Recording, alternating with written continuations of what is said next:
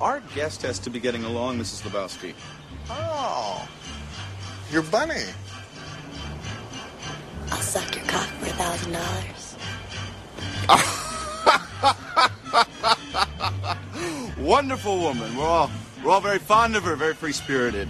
Brand can't watch though, or he has to pay a hundred. That's marvelous. Uh, I'm just gonna go find a cash machine.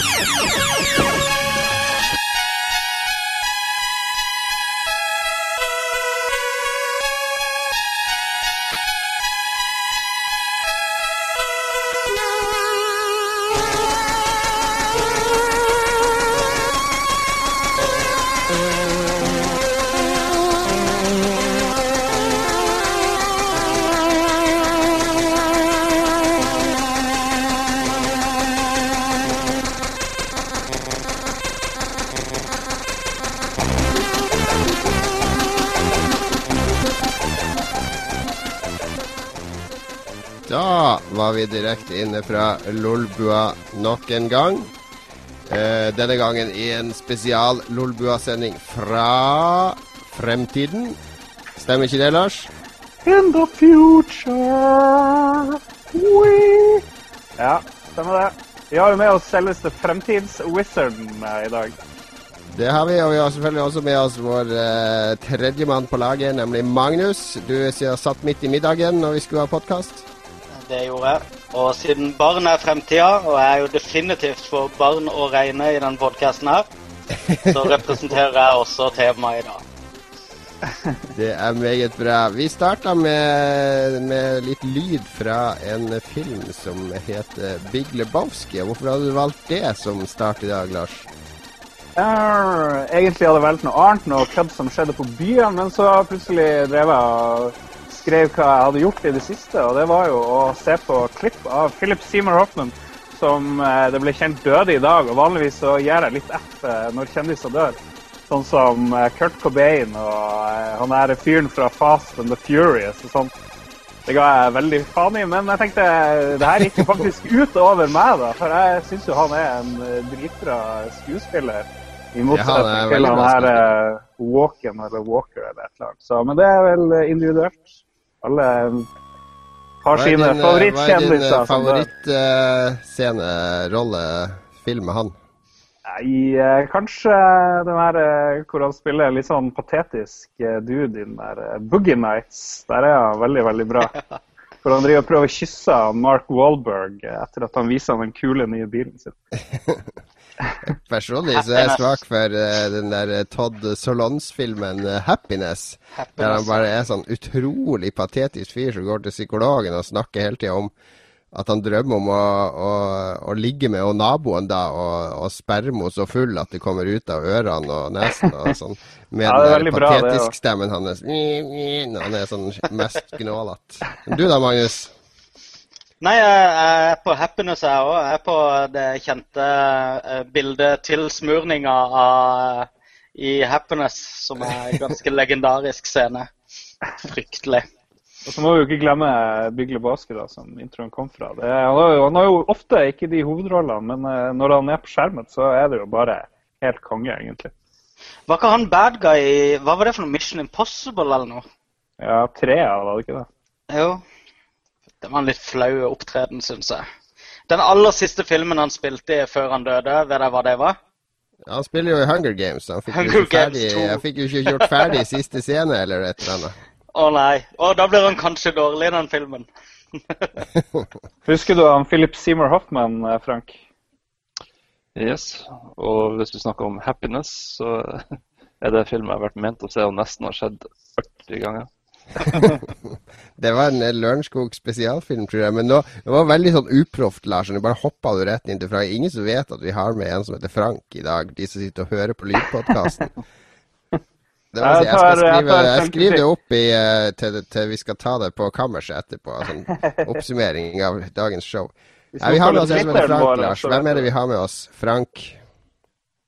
Skal jeg si det? Nå Ja, du- nå når du nettopp har kjefta på meg. Nei, vi har med oss Frank Tore Johansen. The Elder.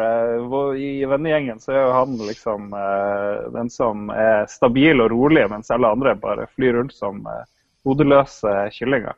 Men samtidig så er jo Frank en visjonær som har vært med på mye spennende. En av de første historiene jeg fikk høre, hadde noe med Nato og sånt å gjøre. Jeg vet ikke om man tør å snakke om det her, men vi får se. Nei, Frank var, jo, eh, Frank var jo den i Harstad som hadde bil, mens vi andre drev og sykla rundt. Det, det, var jo imponerende, bare det. Ja. Drev og hacka litt på fritida. Ja, jeg var litt uh, over gjennomsnittlig sikkerhetsinteressert når uh, helt var kommet ennå. Du, du, kaller det ikke for hacking i dag, du kaller det for sikkerhetskonsultasjon ja. Frilans sikkerhetskonsulent. Nei, det var bare ren uh, nysgjerrighet. Måtte se hvordan ting hang sammen og fungerte. Ja, klart det. klart det. det du er jo uh, du, har, du har altså vokst opp i Harstad, og så har du uh, gått på universitet. Og der på universitetet så lagde du et spill som heter Crossfire. Som jeg lagde en stor sak om på Eh, gamer.no, fordi jeg driver og graver opp ukjente gamle norske spill. Så jeg skal også lage en på X-Pilot som jeg holder på med nå. Men det kan vi snakke mer om senere. Og siden da så har du jobba, bare hatt sånn data, datajobb. Sitte og trykke. Ja, man kan vel kanskje si at jeg hadde litt sånn kjedelige jobber siden den gang, men eh, sånn vanlige A4-jobber. Ja, men Er det ikke jobber der du har kunnet utvikle deg sjøl i det hele tatt, eller er det bare jobber der du har brukt det du har lært, og bare vært, bare vært inntekt? Det har mest bare vært inntekt, men Det har klart jeg har utvikla meg. Men det jeg egentlig hadde lyst til å holde på med fra jeg var ung, var å lage spill. da. Men uh, bransjen så jo aldri helt god ut da. Vilkårene var mildt sagt dårlige. men uh, jeg vil vite litt om uh, liksom de første. Når fikk du din første datamaskin, og hvor gammel var du, og hva var det, og sånne ting? Ja, for å hoppe litt før det igjen. Eh, det var, det var nok om Norsk kom til Norge, at jeg fikk den umiddelbart.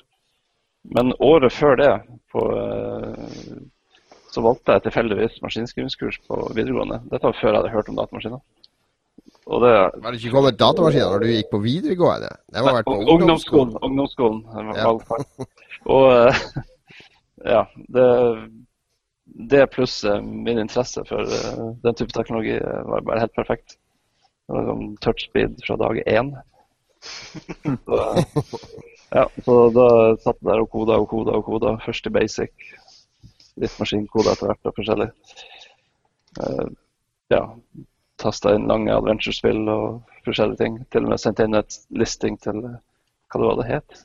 Databladet som var i Norge den gangen. Hjemmedata heter det. Ja har et spill på sånn her. Har du fremdeles sånn touch der du har eh, tomlene på midten av tastaturet, som du lærer på, på ungdomsskolen og sånn i gamle dager? Ja, pekefingrene, ikke tomlene. Det, oh ja, ja, det er det. ja. Pekefingrene, ja. selvfølgelig. Ja, du har den. Eh, du er ja, old school. Den har, den har vært der hele tida. Yes, imponerende. Jeg har sånn hamretouch. Mm. du har hard, hardcore eh, koder, og det var litt hacker før. og Jeg tenker alltid når jeg ser sånn hardcore kodere på film og hackere og sånn, så har de sånne datamaskiner der når de skriver, så hører du skjermen si når det kommer tekst opp og sånn. Har du laga sånne skript i dine, i dine datamaskiner så at det, det, høres og ser ut som på film? Ikke akkurat, nei. Det er helt latterlig film. Tenker på Swordfish. Swordfish, ja. Ja, da står det ei hånd på hvert eller, eller den gode filmen eh, ja, Den gode filmen 'Hackers' med Angelina Jolie òg, der de sleit med å hacke litt, og så ropte hun bare 'Triple the ram!' Og så, så gikk det greit. Klassisk replikk. Jeg bruker den ofte når det er snakk om hackere. Men det var vel eh, Jeg husker du For jeg snakka med deg en gang om, eh, om, War Games, for det var vel en ganske realistisk film for sin tid? Altså med portrettering av hvordan uh, nettverkene fungerte og sånne ting. Faktisk. Det mest realistiske på den tida, og det har egentlig ikke vært noe særlig mer realistisk siden. Mange klager Altså, den har jo litt over the top AI og den type ting, men hvis du ser bort fra det, da, så ja. Den var down to earth, egentlig. Folk flest var kanskje ikke klar over det, for de kjente ikke til teknologien den gangen. Men uh, Ja. Man kunne kjøpe de her datamaskinene til han uh, Matthew Broderick, eller hvem det var som spilte han eh, Ja, det hovedrollen. var eh, Broderick, en av hans beste roller der. Ja. Så du kunne kjøpe alle de her greiene hans med den her telefonen og alt det der. Jeg vet ikke om det var på eBay eller noe sånt. Vi må finne ut hvor mye det kost, koster. Du, har jo, du bruker jo sikkert ikke penger, Frank, så det, du har sikkert nok til å kjøpe det. Men jeg kan skrive under på at Frank trenger ikke flere datamaskiner inni det hjemmet sitt.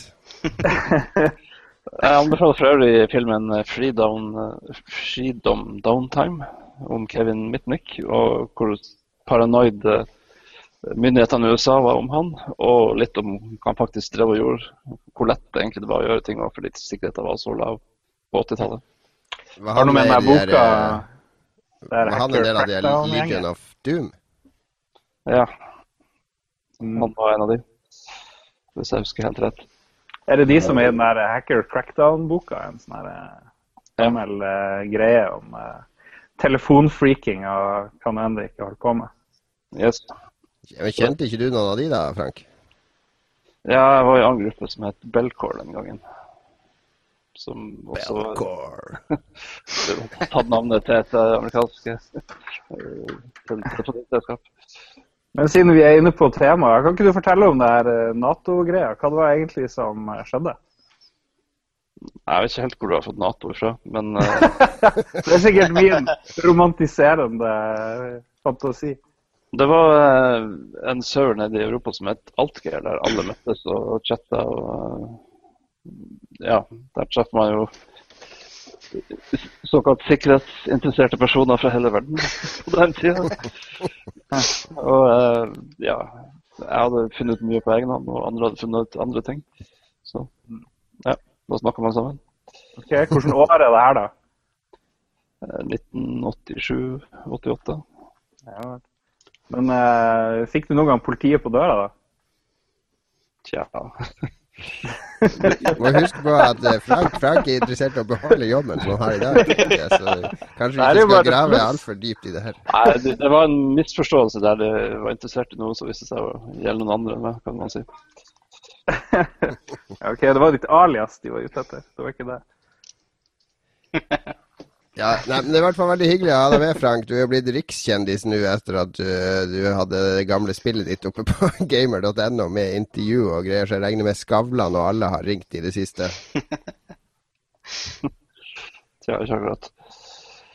Hva? Ikke akkurat. Nei, vi, eh, vi skal gjennom uh, podkasten vår eh, som i dag handler om fremtida. Fordi vi skal spå litt i fremtida. Og eh, Frank er jo eh, ekstremt kyndig på science fiction-litteratur og fantasy-litteratur, så han, det er jo ingen som er bedre til å spå i framtida enn Frank, tenkte vi. Så da kunne vi bruke han i det her programmet til, til nettopp det, ikke sant, Lars? Ja da, det er, det er jo legendariske samtaler som er ført der mellom deg og Frank, etter det jeg skjønner, om eh, høytsvevende konsepter om eh, hvordan verden bør fungere og kan fungere. Og, AI mye og greier. sånt, ja. ja. Så jeg, gleder, jeg prøver, skal prøve å gjenskape det, da. Det er mitt mål. Vi får se åssen det går. I hvert fall skal vi nå eh, sparke i gang programmet litt med å oppdatere våre utrolig mange trofaste lyttere med hva vi har gjort den siste uka.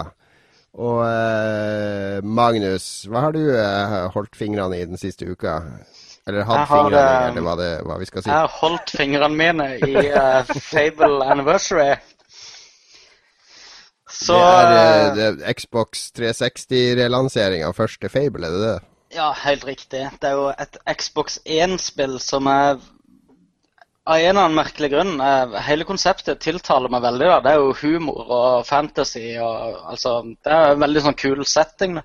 Eh, men av en eller annen grunn så skrapte jeg bare i overflaten på det da det kom på, på gamle Xbox. Jeg ble liksom uinteressert for meg i gang. Eh, så det var dødskult at det kom tilbake til nå, eller kom tilbake nå i ny versjon, og med, ikke minst med achievements som har blitt en eh, personlig eh, kjærlighet for min del. Jeg er jo veldig glad i å jakte på achievements. Så et ekstra insentiv for å eh, begi seg tilbake igjen til old school Albion, da. Um, men altså, jeg ser fremdeles på Fable 2 kanskje som et av de beste spillene som var på Xbox 360. Uh, og de har på en måte ikke klart å hente opp uh, gameplayet i, uh, i, det første Xbox-spillet. De har ikke klart å hente opp ved selve kontrollene og gameplayet da, til toårnivået en gang. Og i hvert fall ikke til treårnivået. Så det de som aldri har vært borti Fable, det er, det er sånn der du er sånn Ja, jeg kan ung gutt, det.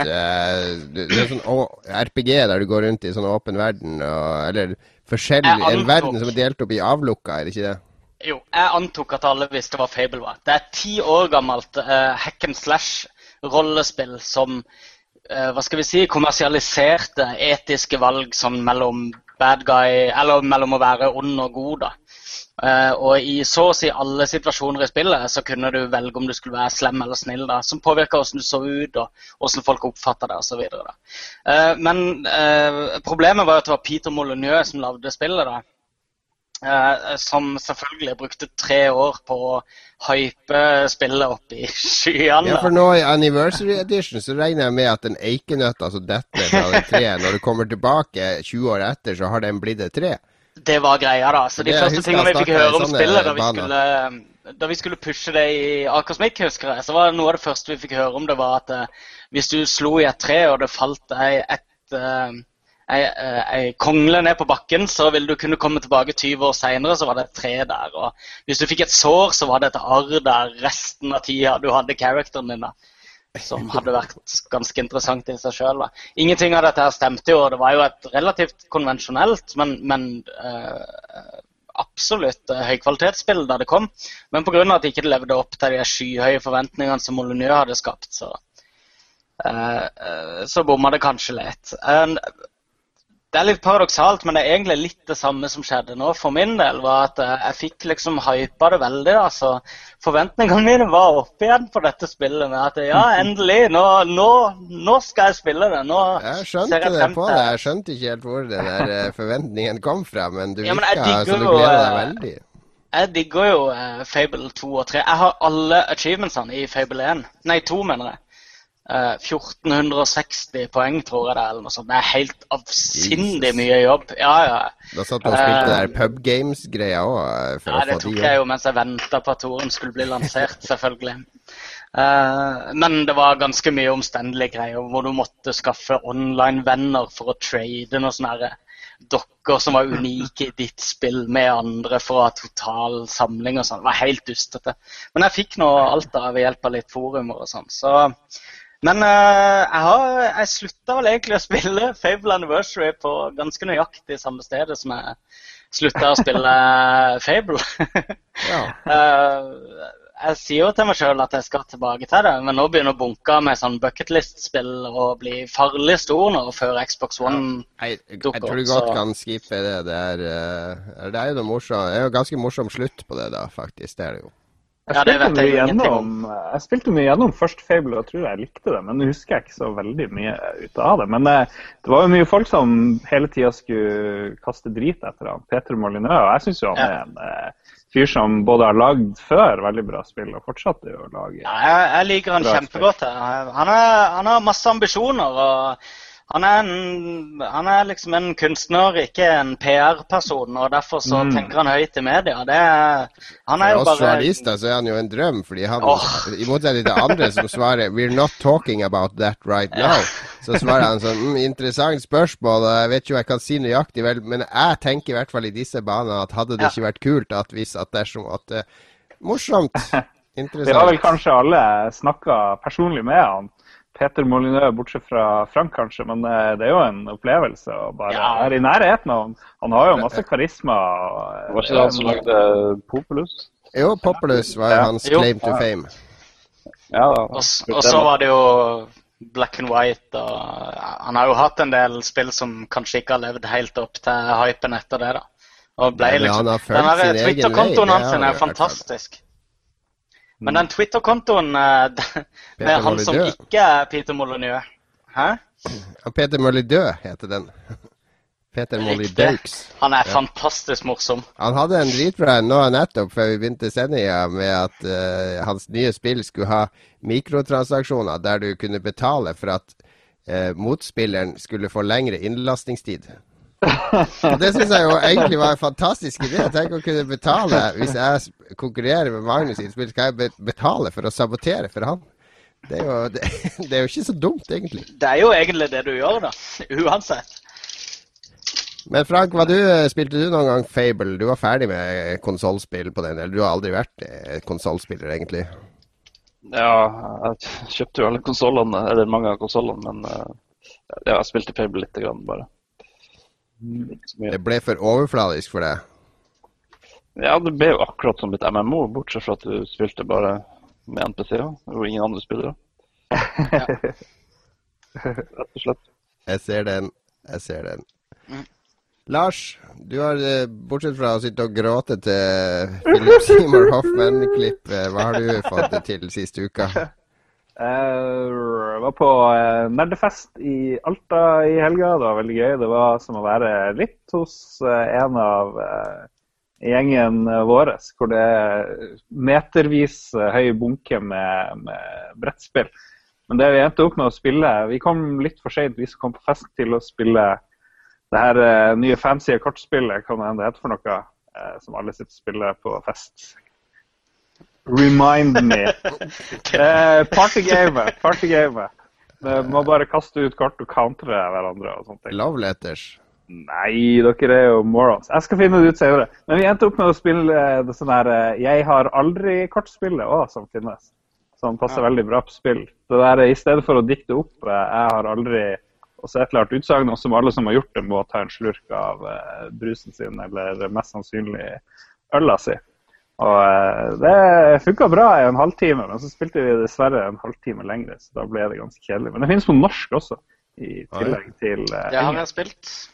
Det har du spilt? Ja. Yes. Neida, så lenge det er både menn og kvinner til stede, så var det veldig greit. Men jeg tror det hadde vært veldig kjedelig hvis det bare var, bare var gutter, egentlig. Så har jeg spilt uh, Broken Age. Uh, Jeg er jo en backer, men jeg klarte ikke å finne meg sjøl på lista over backers i rulleteksten. Var det noe man måtte betale ekstra for, eller har jeg bare gått glipp av meg sjøl? Uh, 100 dollar for å havne i creditsen. Mm. Var det det? Ga dere 100 dollar? eh, Oh yes. Ja, ja, jeg, jeg gidder ikke å gi så mye. Herregud, er dere idioter? Hvorfor gir dere 100 dollar til eh, et spill som dere kunne fått for 20 maks dollar? Ja, fikk jeg T-skjorte og en plakat. Jeg hørte at eh, Magnus ga 100 dollar, så da måtte jeg gi 105, bare for å ha gitt mer enn han. Gjorde du det? Er det sant? Jeg må jo alltid være litt bedre enn Magnus. Det er jo min uh, akilles hæl at uh, hvis Magnus gjør noe, så må jeg gjøre det litt bedre. Nei, nei, men Da er det utrolig mange suckers på den der lista der. da, det må jeg si. Ga du, Frank, eh, til spillet? Nei, jeg har ikke gitt til noe spill på en stund. Jeg heter noen filmprosjekter, men ikke noe annet. Ga du til den Iron Sky? Ja, og Nei, vent litt. Jeg ga til den der nye mm, Ghibli-baserte filmen. Eh, Hva den heter igjen? Totoro 2. Nei, det live action eh, basert på Mononoke Hime. Ikke den Kiki live action-greia? Nei. Mm. Live action Miyazaki-film, er det det det er snakk om? Apropos Miyazaki og Ghibli, så dere at uh, Ronja Røverdatter skal bli eh, Ghibli-serie? God idé. Mm, de Ah, ja. har fått, uh, fått rettighetene fra Lindgren. Endelig. De har aldri solgt de til noen, men uh, endelig så, så gikk de med på å la Ghibli Det er han der sønnen til Miyazaki som skal stå for den serien. Kult. Han har ikke gjort så mye kult, har han det? Oh, han har, han har lagd noen greie filmer. Han topper ikke faren sin, men uh, han har jo ikke erfaring etter faren sin heller. da. Ja, nei, det, han er ikke helt på samme nivå. Jeg kom på det Cards Against Humanity var det der andre kortspillet jeg nevnte. Ja, det spilte vi på hytta. Er det det alle spiller på fest, Lars? Er det ikke det? Hvordan fester er du er på? Det er tydeligvis på helt andre Nede på. Sørlandet så er ikke, der ser de veldig ned på kortspill generelt. Altså, det er ikke så mye kortspill på fest der. Det er litt Da leser vi høyt fra Bibelen, og så skal du gjette, gjette oppføringa. Men eh, bare for å oppsummere eh, min eh, eh, Broken Age-opplevelse, så var det jo Ja. fantastisk. Det var, det var mye bedre enn jeg trodde det skulle være, egentlig, når jeg har sett videoer og sånt. Jeg syns det så litt jeg vet ikke, litt crappy ut, egentlig, men eh, ja. Det, det er dere som snakka om det i forrige uke. har Helt rett. Trenger ikke utbrodere det noe så veldig mye mer. En gledesspreder av et spill. Mm. Jeg har spilt uh, Jeg har spilt, begynt å spille Flappy Wings i dag. Har dere fått med dere Flappy Wings? Det er oppfølgeren til Angry Wings. Angry Birds, mener jeg. ja, det heter Tiny Birds. Ja, det er uh, Det er millioner Flappy Bird heter det. Det er millioner som spiller det nå. Det var en dude i fjor sommer. Han brukte tre dager på å lage det. det er en fugl som flyr til høyre, så hver gang du trykker på skjermen, så flakser han vingene litt. Ja, det så jeg faktisk i går. Ja, så skal han fly mellom masse sånne rør. Og Det kom i fjor sommer, det var ingen, ingen som lasta det ned. Det var helt gratis. Det er kun en reklame på toppen av og til. Og så plutselig i desember i fjor så bare begynte det å lastes ned tusenvis av eksemplarer per dag millioner plutselig var det oppi etter noen uker. Og alle skulle plutselig spille det, og ingen skjønte hvorfor. For han hadde ikke markedsført det eller gjort noe som helst. Og det er jo et dritbanalt spill, fordi det skjer ingenting. Det bare flyr og flyr, og så kommer det random sånne tunneler som du skal fly gjennom. Og det er dritvanskelig. Altså, det bare det å få tre poeng Hver tunnel du flyr gjennom, er ett poeng. Bare det å få tre poeng er en utfordring i seg sjøl, så jeg er oppe i elleve poeng nå. Det er rekorden min. Yes. Og altså, Alle på nettet driver og skriver om det her, fordi ingen, alle klør seg i hodet. Hvorfor har det her blitt et fenomen? Hva, hva er det her skyldes? Det er ikke mikrotransaksjoner heller i det. Det er ingenting å kjøpe i det. Det er ingenting å bruke penger på. Det, det må, være, må jo være Reddit eller 4chan eller et eller annet sånt. Nei, jeg, jeg, svaret fikk jeg i dag fordi eh, eh Thomas, han sønnen min på tolv, så at jeg spilte det. Og så han bare 'Å, har du begynt å spille det?' Ja, kjenner du det spillet? Alle i klassen spiller det, sier han altså alle på skolen som har uh, iPhone, de har det spillet. Og så er det så genialt, fordi det er bare ett poeng for hvert sånn rør du flyr forbi. Det er ingen andre poenger. Det er ikke noe multiplier eller noe eh, avanserte ting du skal samle. Bare fly forbi et rør, får du ett poeng. Så når, når har, hun i klassen som er kommet lengst, hun har 24 poeng. Alle vet at for å slå det, så må jeg bare fly forbi 24 rør, så er jeg best i klassen. Det er, det er, så banalt enkelt at, og at det er gratis, at de ungene de elsker det. Ja, hva det Syns du det var gøy, eller er det OK å spille? Jeg syns det var bare tull i starten, men jeg satt jo og spilte det en time tidligere i dag. Med de stua, bare for å tine den rekorden. Og når det kommer inn en sånn flyt, for det er sinnssykt vanskelig altså må, Dere som har uh, IOS, må bare laste det ned etterpå og prøve det, fordi det er helt gratis. Men det, det er sinnssykt eh, vanskelig, fordi det, det, er så trangt i de tunnelene at du må ha helt presis flaksing med vinger for å komme deg forbi, og du dauer hele tida. Men når du kommer inn i en sånn flyt, jeg kommer forbi fem-seks tunneler på rad, og jeg ser at nå er jeg inne i en sånn flyt, så plutselig begynner pulsen å gå opp når jeg nærmer meg rekorden min, og så bare krasjer jeg på ti poeng. Men eh, nei, det er uh, mobilbriljans laga på tre dager. Uten noe baktanker om å tjene en masse penger eller uh, friste dem med alt mulig tull. Kan vi, kan, kan vi kopiere det her spillet, da? Det er jo det vi må tenke på. Ja, Han har jo de reklamene som kommer på toppen, så jeg tror han tjener ganske bra på det nå når uh, noen millioner har lasta det ned. Ja, det er ti, tidenes timelønn. Ja. Candy Wings Saga, folkens. Kom on. Flappy Bird. Og det andre jeg har gjort det siste uka, er at jeg intervjua begge X-pilotskaperne til min neste artikkel på gamer.no. Det var kjempeartig. To eh, hyggelige nordlendinger. Han ene bor i Kina, og han andre bor i Tromsø. Det, ja, jeg spurte om det forrige gang. Har du, hva Skal de lage nå? konsoll-PC, Steam-versjon av det her? Nei, det er jo allerede en IOS-versjon som ingen av de står bak. Men de, nok, de er nok ferdig med X-pilot, begge to. De er jo morons. De fortjener å skjelles ut på det groveste. Ja, men jeg tror, jeg tror, kanskje jeg skal klare å lokke han Ken Ronny til å bli gjest i Lolbua en gang i framtida. Så kan vi ha en X-pilot-spesial. Jeg tror han er hypp på det. Bra. Spilte du X-pilot, Frank? Vi gjorde jo alle det en stund der.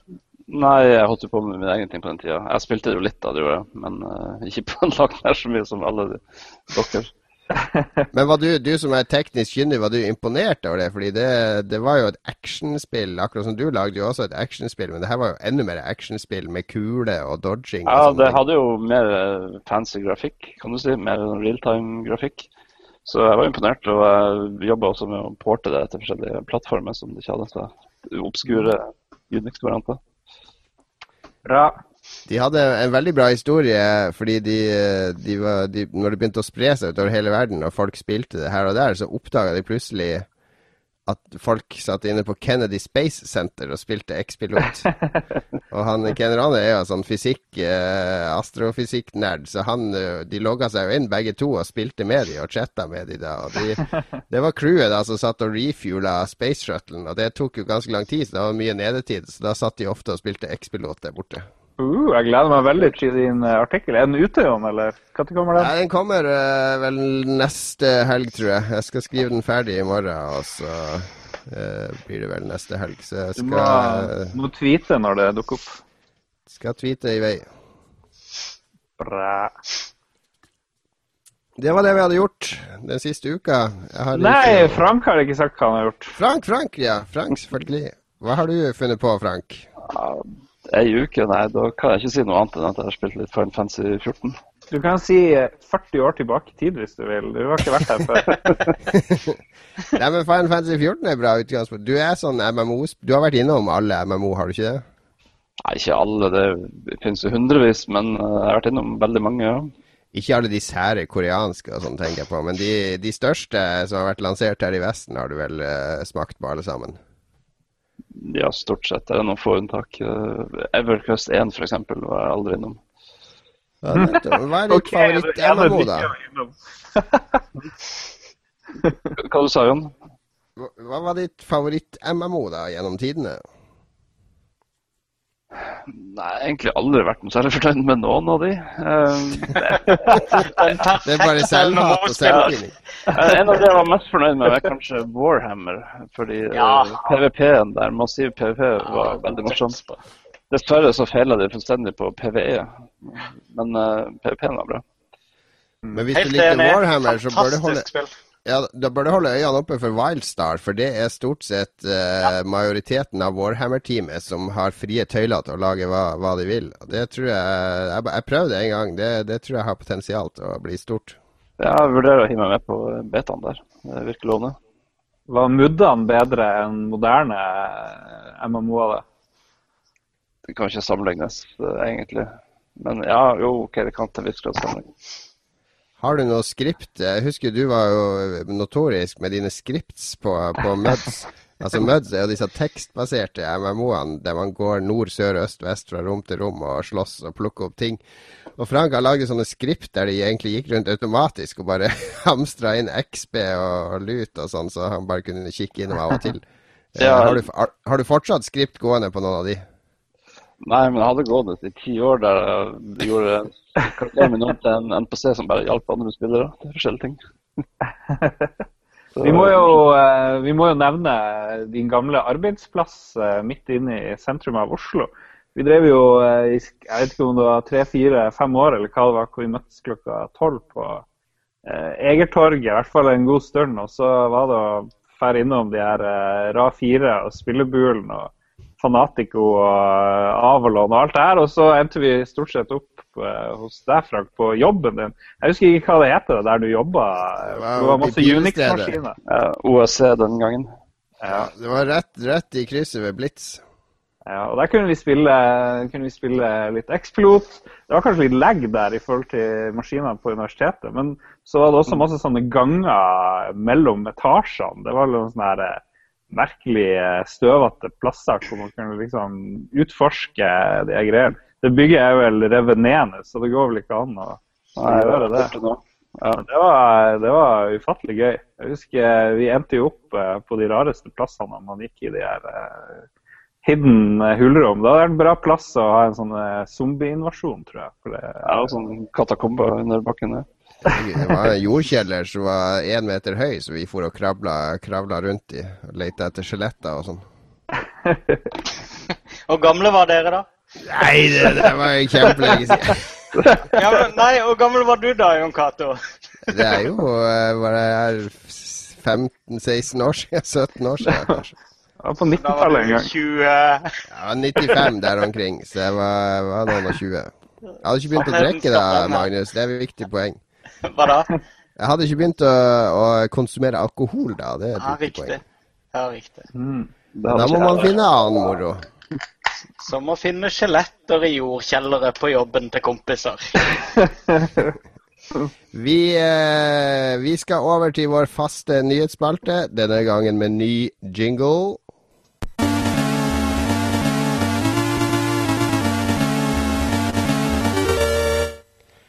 Og vi har også en uh, ny vri. Vi har nemlig eh, fått inn, eh, eller promotert, Magnus Tellefsen til å være bare gopher og tredje, femte hjulet på vogna til å faktisk bli nyhetsansvarlig og nyhetsoppleser. Er du klar for å, din debut som nyhetsoppleser, Magnus? Ja, vær snill med meg, da. Uh, du kan ende opp på Dagsrevyen med det her. vet Du Du kan ende opp på Dagsrevyen. Ja, jeg får bare krysse fingrene her. Da er vi i gang. Vi har fire nyheter vi skal gjennom i, dag, og her kommer den første.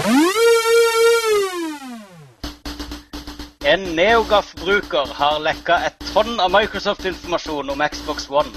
Deriblant info om en Halo 2 Anniversary Edition. Ny Xbox senere i år uten støtte for fysiske plater. Crackdown 3 til neste år og masse annet. Ifølge internettet virker informasjonen troverdig. E3-lekkasjer er vanlig i ukene før E3, men dette må vel være rekord i tidlig, tidlig lekkasje for en konsollprodusent. Hey, så close! Yeah, yeah. Nei, men Det bra. Første forsøk kjempebra. 94 jeg, jeg fikk med meg den lekkasjen der. Var, han hadde jo et tonn med troverdig informasjon som han bare satt og helte ut på NeoGAF. Det var ganske drøyt. Det var ufattelig absurd. Det, gikk, det var bare noen få timer, så var det 60 sider med NeoGAF-diskusjon. Og han slapp de ut i sånne små drypp. Så folk drev jo Det er jo et helvete å drive og bla frem og tilbake på det Neoga. Men det var heldigvis noen som samla alle de her nyhetene. Og etter hvert så tok jo Kotaku og Verge og eller hva farsken de heter, mange av de her eh, store sidene og brukte sine kontakter og fikk bekrefta at en del av det her stemmer. Så vi har tydeligvis en megaliker. Men samtidig så kom Microsoft ut og sa at de skal nå jakte ned den her mannen. Før var det en som het Crazy Buttocks on a Train, som var den store lekkeren. Nå heter han Kuntrbrduts, et eller annet der. Mye, mye konsonanter og ingen vokaler. Og, samtidig så kom eh, konspirasjonsteoriene. ikke sant? Dette var en kontrollert lik for å eh, skyve bort eh, oppmerksomhet fra sånne Xbox-fadeser som at eh, OS ikke funker så veldig bra, og at eh, Tomb Raider er mye dårligere på eh, Xbox One enn PS4. Kontrollert lik. Ja, nei, jeg, jeg syns, uh, jeg syns alt hørtes troverdig ut. Jeg tror på alt, det. Det var liksom ingenting som, som, bare sånn wow. Det var bare sånn ja, selvfølgelig. Ja, ja akkurat. Crackdown 3 til neste år, liksom. Ja, det var ikke noe det spesielt. Så, det er så lenge til at hvem, ja. hvem bryr seg? Halo 2 Anniversary er jo helt innlysende. Jo, Men ja. uh, men, Men Xbox er... One-konsoll uten støtte for fysiske plater er jo litt mer uh, out there, er det ikke det? Det er vel kanskje den mest oppsiktsvekkende av de informasjonene der. Ja, jo, du har rett i det. Jo, for så vidt. For så vidt. Men har vi lyst på det? det altså, Jeg merker jo at jeg hater å drive og bytte plater på PlayStation 4 og Xbox One. Det føles ut som et steg eh, tilbake til eh, til forrige århundre på mange måter. Jeg, jeg kjøper det jeg kan på Wii U. Kjøper jeg online.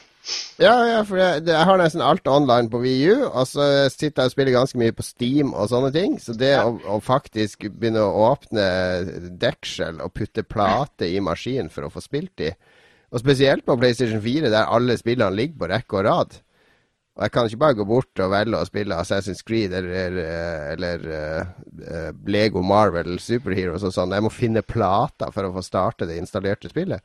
Og så er det umulig å finne åpninger til CD på PlayStation 4. Og eject-knappen. Eject-knappen er, er det dårligste eject-knapp i konsollhistorien, altså. Den fins jo ikke. Den synes ikke. Det er jo bare så 2007. Er det sånn uh, touchpanel-eject-knapp? Uh, Nei, det er en, en, knapp som er kanskje to millimeter i diameter, så jeg med mine pølsefingre klarer ikke å få den til å registrere eller trykke langt nok inn. Så jeg må ta uh, neglen og balansere mot knappen, og så dytte den inn for å få den til å ejecte. Jeg har ennå ikke ejecta det eneste diskspillet jeg gidda å putte inn, og det var Kilsa. Du bare og det legger andre- inn en ny disk hver gang. Det andre diskspillet har en nekk, og det nekter jeg å prøve. For det prøvde jeg på NM Gameplay, og det var, så ut som ufattelig drit, så det gidder jeg ikke å teste. Det er noe. Når var sist du kjøpte et fysisk spill, Frank? Nei, det var faktisk eh, Final Fantasy 14. Det, for det, eh, det var overraska ved lansering. Så eh, ja, de måtte sperre salg av elektronisk kopier. Ja, nettopp. Så de Det begrensa tilgangen ved å, Ja. ved å ha det fysisk. De, Hvilket ja, Final Final Fantasy, Fantasy 14. Ja, riktig. riktig. de, de fikk bare for mange spillere ved launch enn fått hva de hadde planlagt. Men det gikk an å kjøpe fysiske kopier fortsatt. Så da Men jo bestilte, den fra USA, og eh, dagen den kom, så åpna de for elektronisk Eller dagen, dagen før den kom, rettere sagt. det åpnet. Ja, men da fikk du nå et fint spillcover oppi hylla, veit du. Men vi, vi sa jo ingenting om eh, Final Fantasy 14 da Frank fortalte hva han hadde på med det siste. Jeg vet at det her er nyhetsseksjon, men jeg vil jo gjerne vite om det her er et spill jeg bør eh, satse på. Jeg har jo tenkt på det, da. Nei, Er et spill å satse på, Frank? Det, det helt Spilte du, spilte du det forrige, to- eh, elveren? Elveren var forferdelig, den spilte jeg ikke. Ja. Um, Dette er 14 etter at det ble trukket tilbake. så det ny 14 versjon. A Realm Reborn, eller hva det heter. ja, det stemmer det. Det var en utgave først som ble trukket tilbake. Det var vel 11, var det ikke det? Nei, det det kom 14 først, og så det her er liksom toeren til 14 Ja. på en måte. Riktig. Men er det bra? Hva er det som skiller det fra andre MMO, da? Eh, det, der problemet ligger. Det er, det er bra, men det er ingenting som skiller det fra andre MMO. Har Det er jo Final Fantasy 14, da. Det er jo Final Fantasy. Altså, Chocobos som materia. ja, du, du driver og putter ting inn i eh, gjenstander, sånn sockets og eh, games og sånt. Ja. Ja. Spilte uh, du Final Fantasy 7 og alle de her gamle greiene? Ikke alle, nei. Syveren spilte jeg gjennom. Ja, ok. Er det mange som har navn, eh, navn som er variasjoner av Sefiroth og Cloud og Ja, Erik og sånt? ja, du finner mye referanser til moderne anime-serier og sånt òg. Det er populært. Goku. Her høres ut som et spill for deg, Magnus. Ja, det er Og du rir rundt, rundt på en eh, chocobo, selvsagt. Hva kan noe selvsagt. Ja, nei, nok Final Fantasy 14. Eh, Lars, du får prøve det sjøl for å finne ut av det. Jeg blir ikke å gjøre det. Neste nyhet, Magnus. Er du klar? Eh, skal vi se her. Eh, jeg er klar. Road to VR har snakka med en anonym kilde som hevder at han lager programvare til Sonys virtual reality headset. Et Oculus Rift-lignende headset som skal spore hodebevegelsene dine. Visstnok skal headsetet bruke PS4-kamera for å holde styr på bevegelsene. Alt tyder på at Lars kan glede seg til å spille Killzone på nytt med headset. Åhå. Var det Lars som hadde lagt inn den, eller? Nei, det, det er mine patetiske vitser. Jeg gleder meg allerede til neste uke, Magnus, når du sjøl kan få lov å skrive nyhetstekstene. Da tror jeg det blir mye morsommere. Jeg tror det blir mye morsommere nå som jeg ikke har lest nyhetstekstene før jeg leser de høyt. Det er mye mer spennende med de, med de vitsene på slutten. Det er som okay, å finne nyheter, så har. Jon gjort de morsomme. Det du må bli sånn uh, writer for Ylvis eller et eller annet, Jon, tror jeg. Nei, det er Magnus som skal bli det. Magnus har mye mer talent. Magnus har ghostwrita meg på scenen med vitsene, hans Det har jeg. Takket være meg så rister Rockefeller av latter. Det var den morsomste eh, vitsen hele kvelden, da. Husker du han ennå? Jeg gjør ikke. Jeg husker det godt, fordi det her var gullstikka eh, PlayStation, var det ikke? fire- Fire-fem år siden. Og så var det PlayStation akkurat drete seg ut, fordi den, den eh, kalenderen på PlayStation 3 hadde ikke tatt høyde for skuddår. Så alt ble helt fucka i, i eh, tidsgreiene i maskinen, så det måtte komme en sånn svær patch som måtte resette hele greia og fikse det. Og, da, og det her var jo Hva var det, 3. mars eller noe sånt her, så, så Ja. vitsen var jo noe sånt som at eh, ja, eh, kjempegøy å være her på Gullstiga 3. mars. Eller som eh, Nordisk Film og PlayStation sier, eh, 34. februar. Det var, jo, det var jo kjempeartig. det var mange som lo, da. Kanskje ikke Nordisk Film, men eh, Nei, de Det lo nok ikke. Nei da. Men uh, virtual reality headset til PlayStation 4 Ja. Oi, oi, oi. Men det er vel ikke helt fersk nyhet, er det det? Jeg føler jeg har uh, hørt dette før. Nei, jeg tenkte på uh, Steam Oculus Rift-lignende headset. Var det ikke Ja. snakk om det òg? Ja, Steam har vel, eller Valve har jo lagd sitt eget headset, men det er bare en prototype. De har sagt Ja. at de ikke skal gi den ut. Riktig. Så da har Sony i all sin uh, eh, glory bestemt seg for at de i hvert fall, når ikke Valve er i gang, utfordrer Oculus Rift. Så føler de for å ta kampen. Ja, men jeg tror ikke, kanskje ikke det er så enkelt som det, fordi Sony har mange sånne headset fra før av som de har til uh, Blu-ray og, og 3D-film og, og sånne ting. Jeg var senest og så på et hos Sony bare forrige uke, et helt nytt et som kommer. Så at jeg tror nok de ser bredere på det enn å bare lage sånn gaming-headset, enn å, å lage eh, generell underholdning med det òg. Ja, men da, det har de jo allerede gjort. Ja, det har de, men eh, hvor, hvor, hvor kan de videreføre den underholdninga på noen måte? Hva om de lager et nytt kamera, da, eksempel, der du, når du filmer en scene, så filmer du mye bredere og høyere og lavere enn selve scenen. Og du Ja. da, hvis du da ser den med sånn headset, så kan du se deg litt rundt i rommet du sitter i sammen med skuespillerne, ikke sant? Ja. Du kan flytte, hvis du flytter blikket eller hodet fra skuespiller til skuespiller, så følger bildet med og, og, og sånn. Så regissøren styrer ikke lenger kameraføring, det er det seeren som gjør. Nei, man må ikke være redd for framtida, vet du. Nei men, nei, men nå diskuterer vi jo fremtida. Jeg er ikke redd for det. Vi har men er allerede en forsmak på fremtidsdiskusjoner. Ja, ikke sant? Jeg er litt skeptisk til det derre styr din egen film-ideen. Det har liksom vært eh, Har vel vært Men jeg snakker ikke om å gå, gå rundt. Jeg snakker om at kameraet er plassert et sted, bare at du har, kan bevege hodet ditt litt. Og, og at innlevelsen blir enda kraftigere da, kanskje. Jeg vet ikke. Ikke jeg heller. Vi er vel litt brent, eh, vi er vel litt brent etter den der 3D-satsinga til Sony, hvor vi, vi satt på E3 og alle fikk 3D-briller. Nå skulle liksom alt være 3D, og så gikk det et halvt år, og så var det ingen som brydde seg om det Nei. lenger. Men det høres jo egentlig, egentlig ut som en litt sånn smartglass til de allerede lanserte videobrillene til Sony. Sånn smartglass-funksjon. Jo, jeg må jo bare, jeg kan jo ikke være sur for at Sony driver og vil lage noe ny, kul teknologi. Det Absolutt går ikke ikke. De må jo bare innovere. Men grunnen til at jeg tok med Killzone, er jo at uh, Guerrilla er jo de første som hiver seg på de nye Sony-trendene. Det var de som var de Ja. første som skulle lage 3D-spill til PlayStation og sånne ting. Så hvis det blir noe sånn virtual reality, så kan det vedde ræva di på at Killzone blir den første demoen med, med det greiene. Ja. Eh, Sony bør selge Guerrilla Games eh, til eh, Microsoft eller de som vil ha det. Uff. Da. La, Frank, har du prøvd noe virtual reality noen gang? Du var vel sterkt inne i det på 90-tallet, når man måtte stå inne i sånn gjerde med en Å, det har jeg på testa. 20 kilo. Nei, det er lenge siden. Ik ikke noe headset, nei. Men har du noe tro på sånn Oculus Rift og sånn? Ja, egentlig, men tror ikke man har kommet på alle de lure ideene som man kan gjøre med det ennå, rett og slett. Det er jo gameplayen som har kommet først. Ok, La oss spare det her til eh, fremtidsdebatten vår. Vi gjør det. Vi gjør det. Vi Yes. kjører på med neste nyhet. Jeg regner med at Magnus har scrolla seg klar til neste nyhet, og den kommer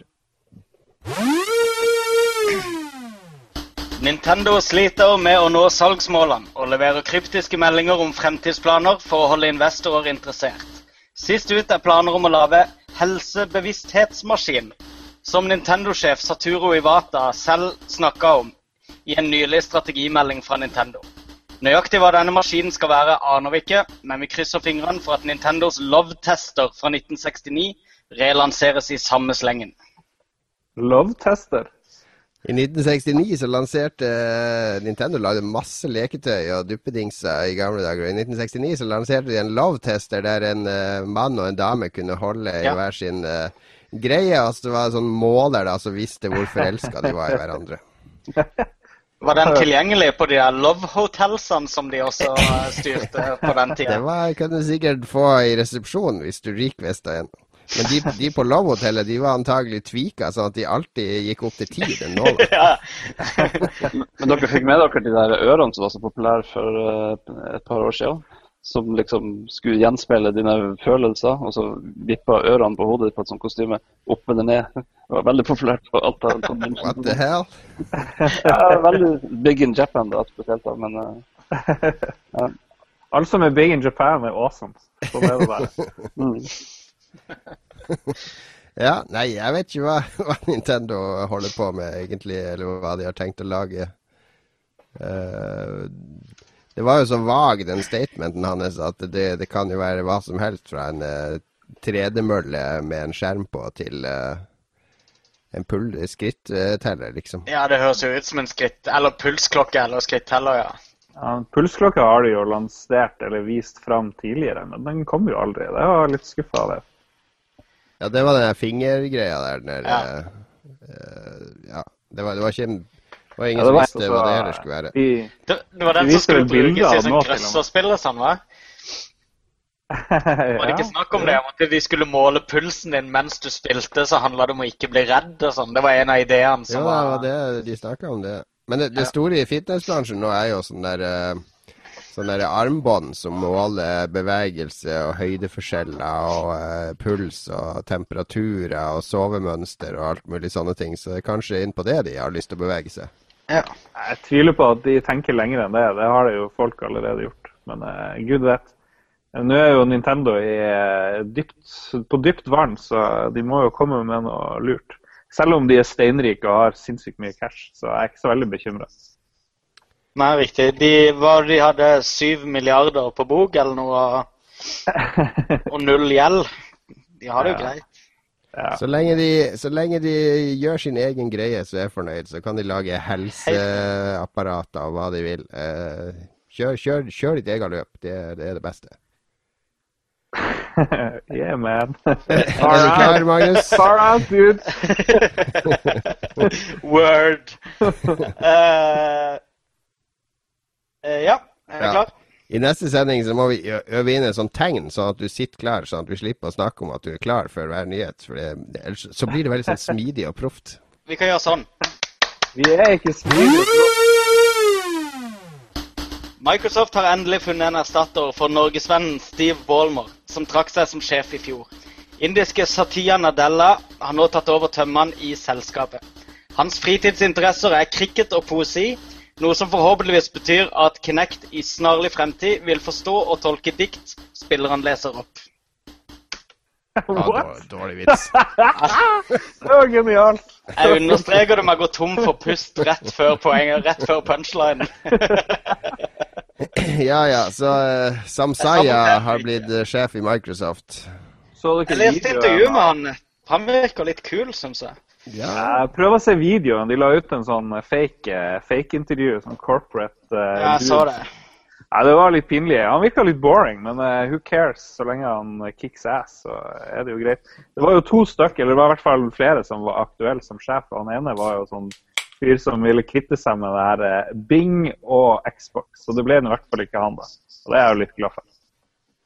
Ja, Bing må de gjerne fjerne for min del. Jeg har en knapp på telefonen min som kun ja. dedikert til Bing.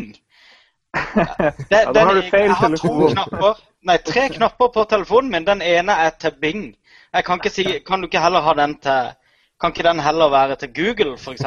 Nei, den er til Bing. Klart det. Så den bruker jeg aldri. En hel knapp. Det burde jo være et hint at det var en Bing-knapp på telefonen du kjøpte. det. Det første jeg gjorde når jeg kjøpte tastaturet, var å nappe ut Windows-knappene. Men nå har Windows 8 kommet, og det er ikke bare bare. Da bruker du jo den knappen hele tida i Windows 8. Mm. Altså, Frank Magnus er den eneste jeg kjenner som er fan av Windows 8. Jeg digger det.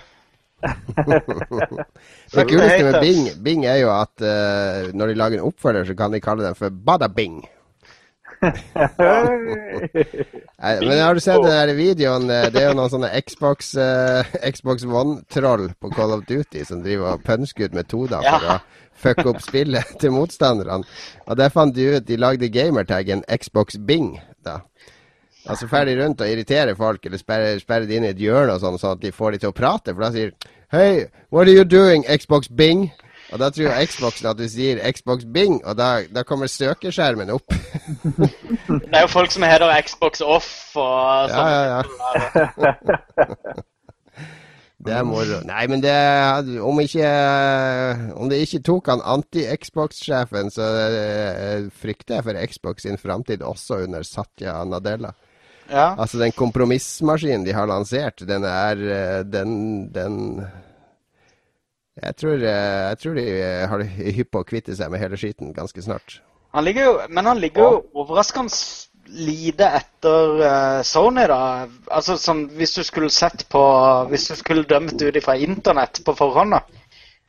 Så Ja. jeg, jeg syns det er overraskende hvor bra han er sånn. ja, ja, men det der kan vi ikke måle nå. Men det, greia er jo at det er en mye, mye dårligere maskin Ja, ja, ja. Hardware-messig akkurat nå. ass. Og hvis ikke de fikser det opp i den første store eh, dashboard-oppdateringa, så, så tror jeg at eh, Det er så mye kompromisser i den maskinen at jeg føler ikke at det er en spillmaskin jeg har kjøpt. Jeg føler at det, det er en CDI, liksom. Det, den, den minner meg mer om en CDI enn en dedikert konsoll. Husker du at du klagde over at det virka som om det kjørte Windows 95 i forrige sending? Jon, Og da uh, snakka jeg litt med noen på Neogaf om det, og de kom med to tips til deg som jeg skal overbringe. Det ene var å hard resette maskinen, for da skal alt bli smooth. Eventuelt oppgradere firmwaren. Så jeg vet ikke, er det lenge siden du skrudde av din Xbox? Jeg skrur av hver gang, fordi jeg bruker sånn stepdown-transformator, så jeg drar ut kontakten til den, så ikke den skal gå og stå og summe hele natta. Og den er fremdeles hakkete og jævlig Hakkete, og ikke bare det, det tar ett et og et halvt minutt fra jeg slår den av til jeg kan gjøre noe i menyene. Det er en butlengde på over ett minutt. Hva slags konsoll er det her? Det er jo helt drøyt. Ja, det, det er kanskje bare min maskin, men, men eh, sånn er det i hvert fall. Jeg har du nå Xbox konto. One, eh, Frank? Vel, jeg driver stadig vekk og sjekker i butikker hva som skjer. Og eh, jeg er jo interessert i å kjøpe PlayStation i utgangspunktet denne gangen siden jeg hadde Xbox sist. Men uh, hvis ikke PlayStation får ut fingeren snart uh, og får den i regulær salg, så kan det hende det blir Xbox, ja. Jeg tipper du får PlayStation før du får Xbox. Det er jo bare å bestille den på nettet. Den er, det er grei å få tak i nå. eh, Etter det jeg har sett. Greit å ha litt servicemuligheter i butikk også, da. Ja, Jeg har nå en konto på 10 000 kroner som heter konsollkonto. Som jeg skal bruke på de to neste konsollene når de måtte være attraktive nok. Og det føler jeg ikke er helt ennå. Ja, det er bare å spare det, så eh, Mm. får vi se om du noen gang får brukt det opp. Vi skal spille pausesangen vår før vi skal Nei, vi skal ha Fremtidsspesial før pausen. Vi skal ha vår, vår temaspesial denne gangen. Som jo handler om fremtida. Og Lars, hva var tanken bak en fremtidssending? Nei, det var nå Vi var jo så eh, heldige, og vi syntes det var så kult med tema i forrige uke med, med hvor vi skulle finne ut hvordan filmregissører, siden vi hadde en filmmusikkekspert, hvordan filmregissører kunne lage kule spill. Så da skulle fant vi ut vi må ha tema nå òg. Og hvem hadde vi som gjest? Jo, uh, Mr. Future himself, uh, Frank Tore. Og da kjørte vi det. Og det har vært en stor hit på Twitter. i hvert fall. Vi har aldri fått så mange spørsmål som vi har fått denne uka. Så fremtida er inn, for å si det sånn. Det var ute før, nå er fremtida kommet tilbake. Riktig. Så hvordan skal vi gjøre det her? Hva, skal vi presentere ulike fremtidsscenarioer som eh, Eller skal vi bare spørre vårt orakel Frank hva som vil skje i fremtida? Vi kan gjøre begge deler. Jeg har notert noen uh, future thoughts, men det er bare det er ikke så veldig lurt, egentlig. Vi Eh, kan begynne med noe som Frank har peiling på. fordi han, eh, når han var ferdig med Crossfire, så hadde han jo en idé til et, eh, et slags adventure-MMO-spill som han hadde lyst til å lage. Og når han fortalte meg om den ideen for noen år siden, så tenkte jeg ok, du snakker nå om et spill som kanskje er mulig i 2050. Eh, altså ambisjonsnivået på det spillet. Frank, hva, hva slags spill var det du, du har fantasert om? Det var en uh, sandbox-spill der uh, alle NPC-ene er fullstendig AI-er. Og um, ja, rett og slett en verden som er i konstant utvikling og dynamisk. Eh, ingen statiske quest. Eh, alt genereres med at eh, det har skjedd i verden, ikke bare kunstig nå er det der. Og spillerne kobles inn i disse AI-ene og tar over de, eller styrer det ikke direkte, men indirekte med å gi de impulser og ideer. Mm. Og oppleve hva de ser og opplever. Mm. Skulle du styre flere NPC-er, eller skulle du bare ha din? liksom?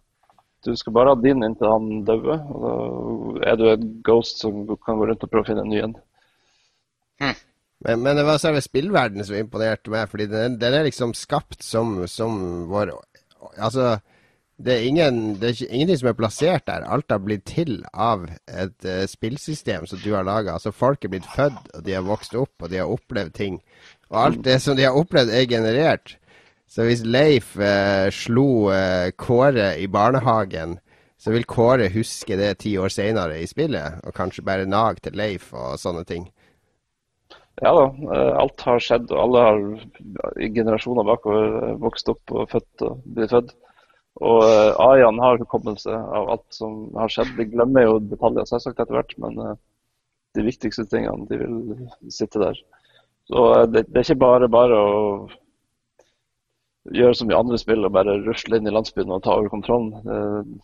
hvis noen har gjort det før, så vet de hva det fører til. og vil sette i gang mottiltak med en gang og osv. Okay, så de lærer av historien, i motsetning til i virkelige liv? Eh, ja. Du, du, kan lure, du, du, kan, du, kan lure, en AI én gang, men ikke to ganger. men ender du ikke opp med et spill der du egentlig ikke kan gjøre noe fantastisk, da? Og så, blir du bare, så må du bruke masse energi på alle de tingene du må bruke masse energi på i real life? Ja, det er ikke et heltespill, det er det ikke. Uh, og, men du er udødelig. Men den du styrer i øyeblikket, er ikke nødvendigvis udødelig. Og, ja, du er, og du er stuck med han til han dør. Men hva, du, hva gjør du i spillet, liksom? Ja, det Det skal jo være ting å oppnå. Eh, krefter å oppnå ting som gjør ghostet ditt eh, sterkere og forskjellig. Um, du kan jo i teorien også grave ned en skatt til din neste ting du tar over, så kan du gå bort og grave opp skatten igjen. Hvis ikke noen andre observerte det. Mange sånne ting. Du må jo ha sinnssyk AI i det spillet. Hvordan tenker du på AI sånn i tida som kommer? Hvor, eh, hvor raskt kommer det her til å gå? Jeg tror vi er rundt hjørnet nå for AI, for nå utvikler prosessorene seg i bredden. Og eh, man sier parallellisering er jo det som skal til for å få AI-en up to speed, bokstavelig talt. Mm. Så, da må du forklare litt mer. Ja, nei, Det er to store problemer Ja. Ja. Det største problemet er kanskje IO, båndbredde eh, på dataflyt og låsing. Eh, ja, altså Det er bottlenecks i hytt og pine i dagens arkitektur av datamaskiner. Men eh, det går den veien at vi løser opp de nå. Og det kommer nye fancy programmeringsspråk som også utnytter det her fullt ut. De gamle er det bare å kaste på bålet nå. Mm. Hvem, eh, hva skal vi med Peter Molyneux som gjest når vi bare kan ringe til Frank? Nei, det, det, er sant at du har laga sånn rammeverk, altså objektdatabase uh, og sånn for, for, grunnsteinene til spillet allerede? Ja, det var lenge siden. Men uh, jeg lagde strukturen, datastrukturen til verden. Uh, om den faktisk ville fungert, det fikk jeg aldri sett på. det. Men uh, det er et rammeverk. Men de driver jo og lager Jeg så noe drit på Det var sikkert noe sånn her Discovery eller et eller annet, hvor de holdt på med sånne kvantum-datamaskiner. Eh, det var jo sånn her de måtte senke temperaturen og ditt og datt. Og så var det en veldig enkel eh, chip de hadde. da. Men de mente hvis de klarte å skalere opp det her eh, kvanteprosessorene sine, så ville det bare The sky's the limit. Er det, er det liksom en del av din eh, tankeverden, eller? Det bidrar ikke til noe i AI og den type ting. Det som er spesielt med kvanteprosessorer, er jo at de på en måte er baklengs. De går motsatt vei i tid. Så du kan liksom starte med løsninger og ende opp med spørsmålet. Og det kan gjøre all dagens kryptering eh, helt meningsløst, f.eks. Mm. Jo, de snakker mye om kryptering, så jeg vet ikke, er det, liksom, men er det liksom bare det vi kan styre på med det? Ja, altså, ja, det vil jo føre til et par andre ting òg, men uh, for dataspillrelasjonen så tror jeg ikke det vil gi noe spesielt mye. Ja, nei, jeg skal ikke si for sikkert, men uh, det er ikke der det ligger. AI ligger i massiv parallellisering, ikke i kvante-CPU-er. Hva med clouden og sånne ting som det snakkes så mye om for tida? da? Ja, nei, du må lenger ned. Uh, Clouden er fint rammeverk, men du må liksom lenge ned før du skal ha massiv IO på tvers. Mm. Og Det, det, får- det begrenses litt i kladden. Hvilke spill har vi ikke i dag som vi kunne fått uh, i fremtida med bedre AI, hvis det er det som er fokuset? Fable. Ja, X-Pilot 2. Nei, altså, det, det du blir kvitt, er jo det kunstige i alle spillene. Det at uh, NPC-ene lærer aldri av sine feil. Og de bare står der statisk og venter på at du skal interaktere med dem. Mm. Du har gjort du har en del forsøk i en del spill på å liksom prøve å late som det er litt mer flytende. Uh, Dragon, hva det heter igjen? Skyrim. Skyrim, ja. Eh, Et eksempel på at de prøver å få en litt mer levende verden. Men eh, det har jo sine begrensninger for det. Du ser jo fort hvor de grensene går. Problemet med å lage en sånn AI er jo at eh, det er jo alltid en ganske stor andel av spillerne som ser det som sin største misjon i livet, å fucke med AI-en mest mulig. Og sperre AI-en inn på et rom, eller legge masse hinder i veien for han bare for å se at han blir stuck. Og, og illusjonen bryter så mye kraftigere. Jo bedre AI-en er i utgangspunktet, jo mer troverdig den er, jo større er fallet når du først klarer å spenne bein for han og kan le av den der dumme AI-en. Ja, men kanskje i fremtiden motsatt. Det er AI-en som ler av den dumme spilleren. Det er din drømmefremtid. Det er faktisk drømmefremtid. Det. Ja, ja. Men hvis vi får så jævlig bra, bra eh, AI, ja, hva, bør vi eh, tenke Terminator 2 her, da? Eller? De skal ikke se bort fra det, for den store neste appliancen som kommer i eh, alle hjem, det er nok en robot, regner jeg med. Eh, En all purpose robot, ikke disse robotstøvsugerne og spesialiserte ting. Hvordan er det på robotstøvsugeren din, Magnus? Har du, vet du hva han gjør når du ikke er hjemme? Jeg, jeg har en, eh, jeg har en fester med kjettinger når jeg, ikke, når jeg Jeg, sover. jeg har hørt at NSA har installert en sånn skanner på alle de. Så når du ikke er hjemme, så drar han ut alle papirer fra hylla, så kjører han frem og tilbake over de og skanner de inn. Nei, han kjører ut sånn lys, sånn at Sånn at han skanner alle omgivelsene, så kjører han rundt i leiligheten. Det det jo, det var jo 30-årsfeiring eh, hos eh, Frank i eh, 2006. I 2006, og da var det jo uh, mye rart som skjedde. Jeg skal ikke si alt, men en av gavene jeg fikk, var jo en robotstøvsuger. Men den forsvant etter en slags eh, slåsskamp uh, utfor deg, Frank. Så jeg ser for meg at den der robotstøvsugeren som jeg aldri fikk med meg, den driver bare og kjører rundt i Oslo og er litt sånn her Wally. Den driver og hjelper fremmede, og jeg vet ikke hva den gjør. Nei, uh, nei men det, det er jo innsiktsfullt å ha noen som har peiling på teknologien, som vi bare sitter og syns om til vanlig. Som Ja. kan eh, snakke litt om fremtida. Ja, men Hvis vi skal se bort fra AI, og sånt, er det noe, er det noe teknologi vi kan eh, vente oss? Når skal vi til, bo på Mars og sånt, da, Frank? Strekker din kunnskap seg til verdensrommet? Jo, men det kommer nok bare til å bo en haug med roboter på Mars i oversiktlig fremtid. Det er for langt av gårde, for upraktisk. Men eh, ja, vi har nok bare sett starten av mengden roboter som kommer til å utforske solsystemet for oss. Ønsker du robotene velkommen med åpne armer, eller er du skeptisk? Nei, jeg ønsker dere velkommen. Godt samarbeid. Du stiller deg på A i en side med en gang. Mm. Awesome. Yes. Nei, det, det var et lite glimt inn i framtida. Jeg ser at vi har fått mange leserspørsmål som spør om framtida òg, så kanskje vi skal fortsette spalten med bidrag fra lesere, Lars? Ja, jeg tror det kan være en god idé. Så kan Franke komme med sine glimt inn i 2092 eh, om ikke så lenge. Det kan vi gjøre. Ja, som vanlig så har vi valgt en eh, pauselåt til ære for, eh, for gjesten, eller så vanligvis så gjør jeg det. Og dette er jo um, det, det er spillmusikk, så det er innafor. Det var en låt som var med i Homeworld, men det er bandet Yes som spiller. Uh! Jeg husker jeg fikk helt bakgårdsveis når jeg satt og spilte Homeworld første gang, og det kom Oi, så fin musikk! Og så kommer stemmen til John Anderson. Og det, det, var, det ble den fine stemninga i det ganske hardcore romstrategispillet. Du spilte det mye, gjorde du ikke det, Lars? Eh, Frank?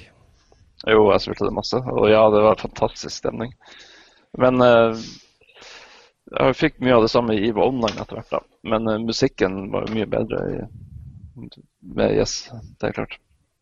Vant uh, pris faktisk for musikkbruken, det spillet. Vi skal høre litt på Yes. Nå blir vi jo flagga herfra til helvete på YouTube pga. copyright infringement. Men jeg syns Frank er verdt det. Vi hører på Yes i fire-fem minutter. Nå er det pause. Skru av mikrofonene, gutta. Mute mikrofonene. Så er vi tilbake om fem minutter cirka.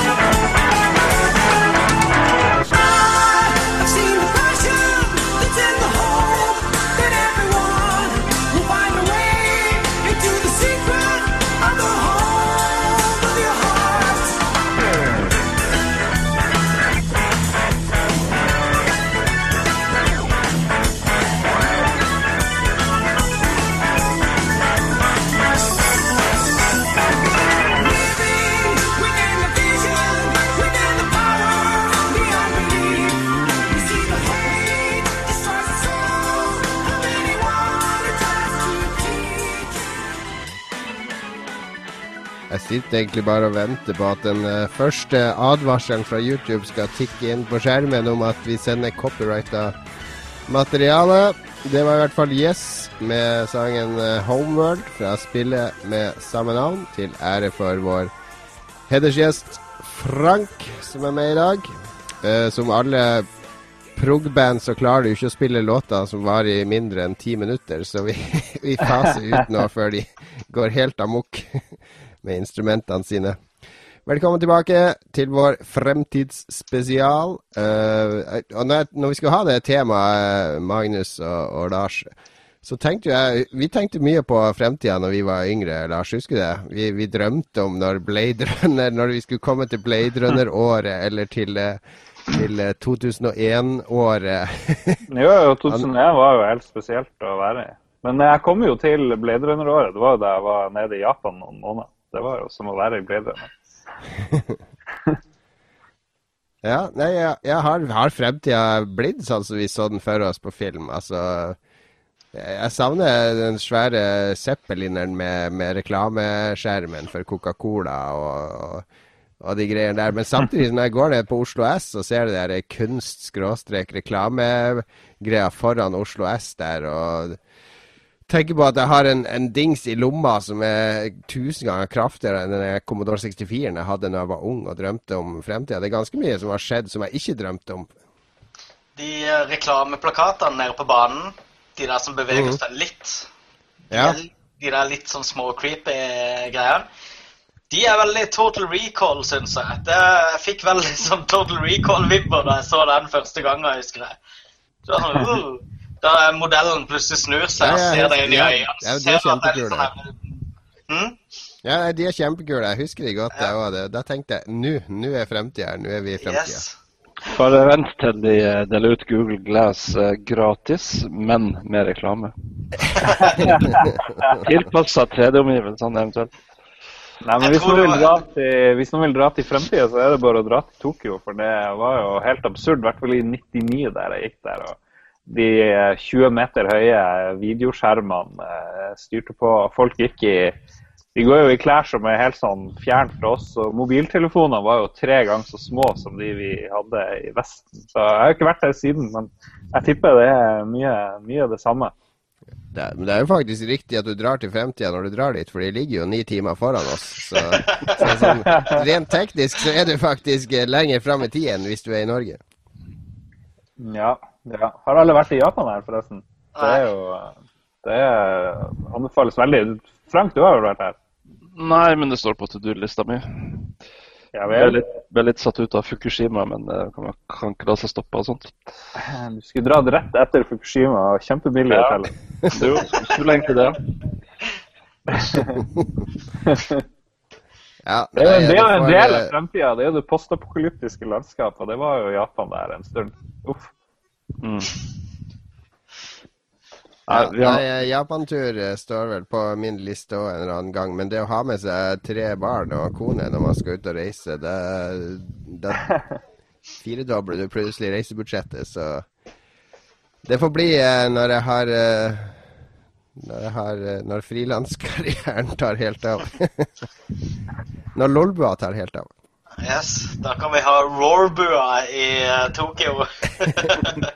Magnus, jeg tror det er headsetet ditt. Du har uh, snudd uh, mikrofonen din. Det har jeg. Der har vi det. Der, ja. Der er yes. det. Der var han inn igjen. Vi er klar for lytterspørsmål uh, der en del av de spør om uh, fremtida. Takk, uh, takk til Jeg syns det er flere som sender inn spørsmål hver gang, er det ikke det? det ja, i hvert fall i dag så har det jo tatt helt av. Vi blir jo holdt på i tre timer her med bare spørsmål. Nei, Det er helt strålende å få så mye spørsmål. Det blir vi veldig veldig glad for. Fortsett med det. Og Husk at dere kan sende inn spørsmål når dere vil. Det er bare å tvitre til uh, lolbua med whatever dere lurer på. Uh, jo, mer, jo fullere dere er når dere tvitrer, jo bedre. Det er de beste spørsmålene kommer ofte når man er på sitt fulleste, så ikke vær redd for å dra fram telefonen på nachspielet og spør lolbua om noe. Vi svarer på alt. Faktisk. Et, et Lolbua, altså, på Twitter. Vi kan starte med en mail jeg fikk fra en fyr eh, som jeg glemte å skrive opp navnet på. Jeg skal finne det etterpå. Men han sendte en lang bekymringsmelding om eh, Nintendo, der han skrev hva tror du må til for at Nintendo skal snu lykken sin og ikke minst det dårlige ryktet sitt blant spillerne? Slutte med hardware og åpne for å utvikle for andre konsoller? La VU dø sakte ut og få en ny kraftigere konsoll om et par år? Kun fokusere på håndholdt? Leste at til og med Nintendo vurderer å åpne seg på smarttelefonmarkedet og se om andre utviklere kan utvikle spill for Nintendos varemerker eller karakterer. Synes dere dette er en god idé? Uh. Mm. Uh, en ting kan vi vel uh, tilbakevise med en gang. Det er vel at Nintendo driver og åpner seg for smarttelefonmarkedet. Det gjelder vel ikke for uh, Nintendo-spill som sådan med Mario og greier. Det er vel mer sånne companion-apps og markedsføring og sånne ting, tror jeg. Ja, det er minigames. Minigames med henvisning til de originale spillene på Wii U. Ja, noe, noe sånt. Men man skal ikke se bort fra at de i fremtida kan, kan, gjøre det. Men eh, mobilspill i hvert fall er vel en, eh, en, slippery slope. Det er jo lett å bli ond hvis du først lager et eh, mobilspill. Det må jo være så lett å ha lyst til å selge Peach som eh, sånn her eh, ekstra utstyr eller et eller annet sånt. Så jeg håper i hvert fall ikke at de gjør det, da. Nei, jeg syns det eneste man kan gjøre, er jo å fortsette uh, Hvis du liker det Nintendo gjør nå, og de fleste som har kjøpt VU, de er jo faktisk ganske mye mer fornøyd med den maskinen enn de var med Wien sin. Fordi den har eh, et bra spillbibliotek. Den har etter hvert fått et bra interface. Det er en kul spillkonsoll med stadig flere bra spill på. Så hvis du liker det de gjør, så er det bare å kjøpe det og støtte dem. Jeg, jeg, tror jo at den uh, veggen de har møtt i maskinsalget, det tror jeg er den samme veggen som både Sony og Microsoft kommer til å møte i løpet av året i år. Kanskje selge litt mer maskiner nå går forbi Nintendo med et par millioner, men så kommer de også til å finne ut at det der casual-markedet som Nintendo skapte med Nintendo Wii, det har bevega seg bort. Så, så, jeg tror nok Jeg tror ikke bare det er Nintendo som kommer til å slite denne generasjonen. Men jeg tror samtidig at Nintendo gjør det eneste riktige, er jo å satse på det de kan best, og de spillene de lager best. Og om VU skulle dø ut, så kommer det til å bli, få en sånn Dreamcast-renommé. Hvorfor spilte du, hvorfor kjøpte du ikke denne maskinen og støtta alle de fantastiske spillene som var på denne maskinen, som alle sa etter at Dreamcast var forsvunnet? Mm, det var et veldig godt poeng, og det, det, var vel sagt i en eller annen kommentar på nett, så du er ikke den eneste som Nei, det var vel uh, Eurogamer som skrev om at VU og Vita var i ferd med å bli de nye Dreamcastene. Ja, Men det er jo ikke noe problem, det er jo ikke noe spørsmål mener jeg, om at uh, eh, VU har et kjempeproblem. Og det er jo at de ikke klarte å markedsføre seg bra nok i starten. De solgte jo mer konsoller enn noen andre ved launch. I England var det vel, eller et eller annet sånt. Mm -hmm. Når jeg, når jeg så Sony gjorde det samme, så tenker jeg ja, ja, vi får nå se om det, det holder det òg, da. Vi vet jo ikke hva som skjer om ett år. Det første da vi er forbi den første konsolltørka som alle forventer. Og så vi, begynner vi å bli litt utålmodige. Og folk begynner jo å bli utålmodige allerede, egentlig. Jeg tror Nintendo eh, skal fortsette litt på den linja de holder på med. Og fortsette å lage leketøy mens alle andre lager eh, hifi, som jeg har sagt før. Jeg tror at uh, folk kanskje vil vende tilbake der etter hvert. At de vil sette pris på den reindyrkinga av konsollen. Mm. Altså i ja, hvert fall fremfor det... det der tullete blandingsmølet som, eh, som, alle andre prøver seg på nå. da. Ja, det er jo det jeg òg øyner et håp for. At du som har kjøpt PlayStation 4 nå, og så får du Drive Club eh, om noen måneder, og du får Watchdogs, og du får uh, Order 1886 til høsten, og Infamous. og så sitter du igjen der med en sånn tomhetsfølelse. Hva skal jeg spille nå? Og så, da er jo VU, hvis du skal ha en konsoll til, så er jo det det kuleste alternativet med de morsomste spillene på markedet akkurat nå, syns jeg, da.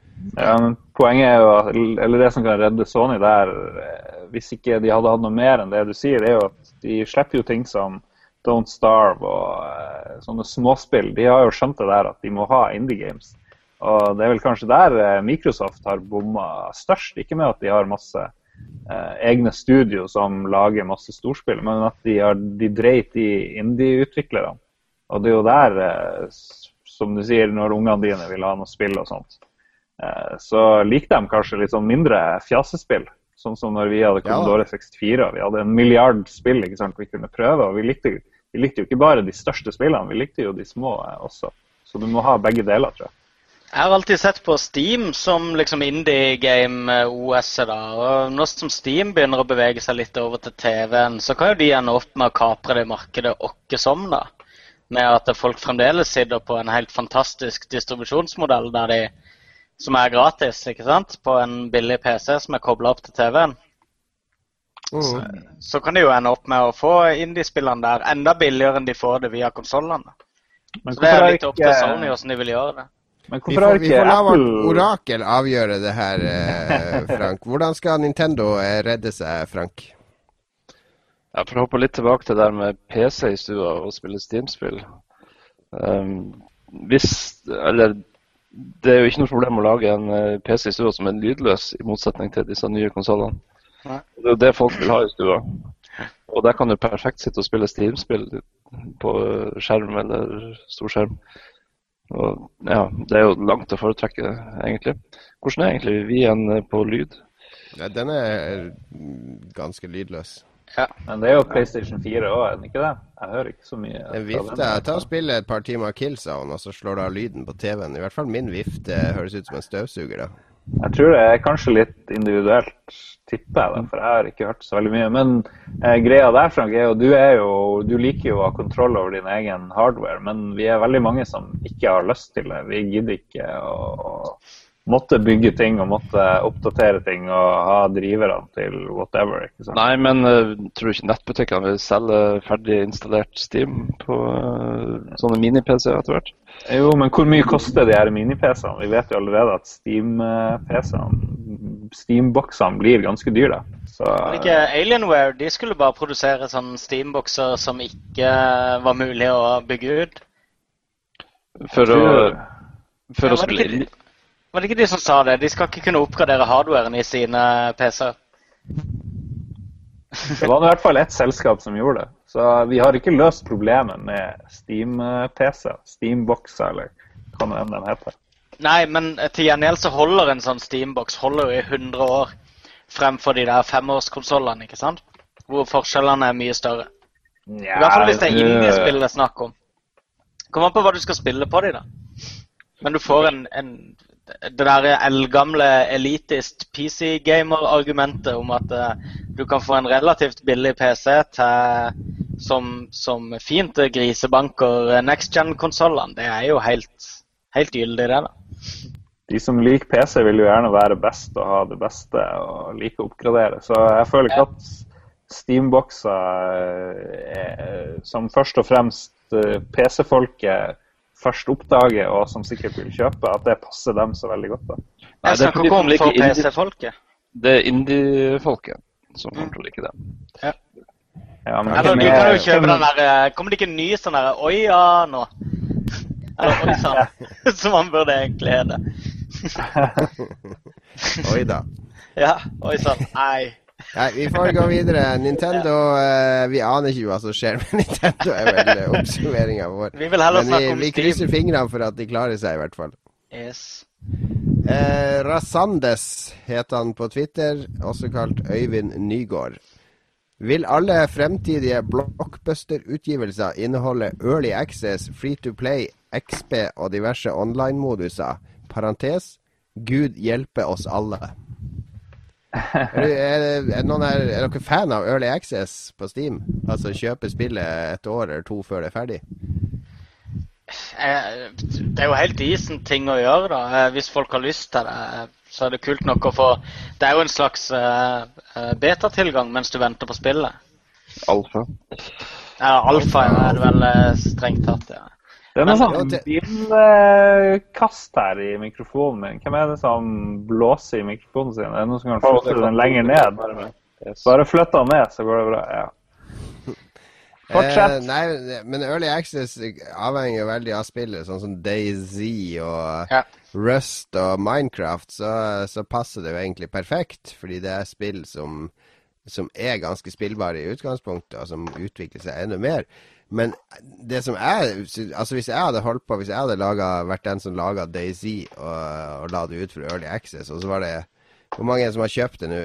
1,2 millioner eller noe sånt. Altså, de har jo allerede tjent sinnssykt mye på det spillet. Så ville jeg vært Kanskje ikke motivasjonen min var på topp til å gjøre det ferdig når så mange allerede har betalt for å spille den der uh, halvferdige dritten som, jeg la ut der. Kanskje jeg heller vil begynne å jobbe på neste spillet mitt nå når jeg har 100 millioner i banken, i stedet for å sitte i to år og gjøre det her ferdig.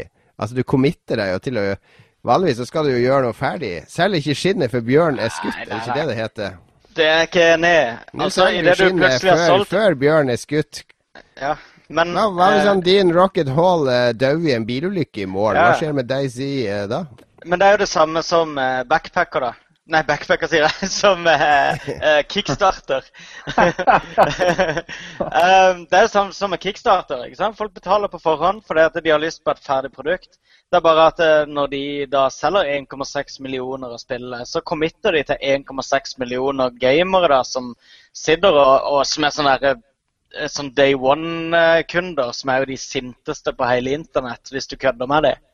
Så de vet jo at de kommer aldri til å kunne gi ut noe som helst hvis de bare stopper utviklinga i jo, alfa. Jo, men kickstarter, der har du i hvert fall høyde for at du kan mislykkes selv om du får finansiering. Så kan det være at uh, det, det, er tatt høyde for at det er ikke sikkert det blir noe av allikevel, hvis ikke mm. alt går etter planen.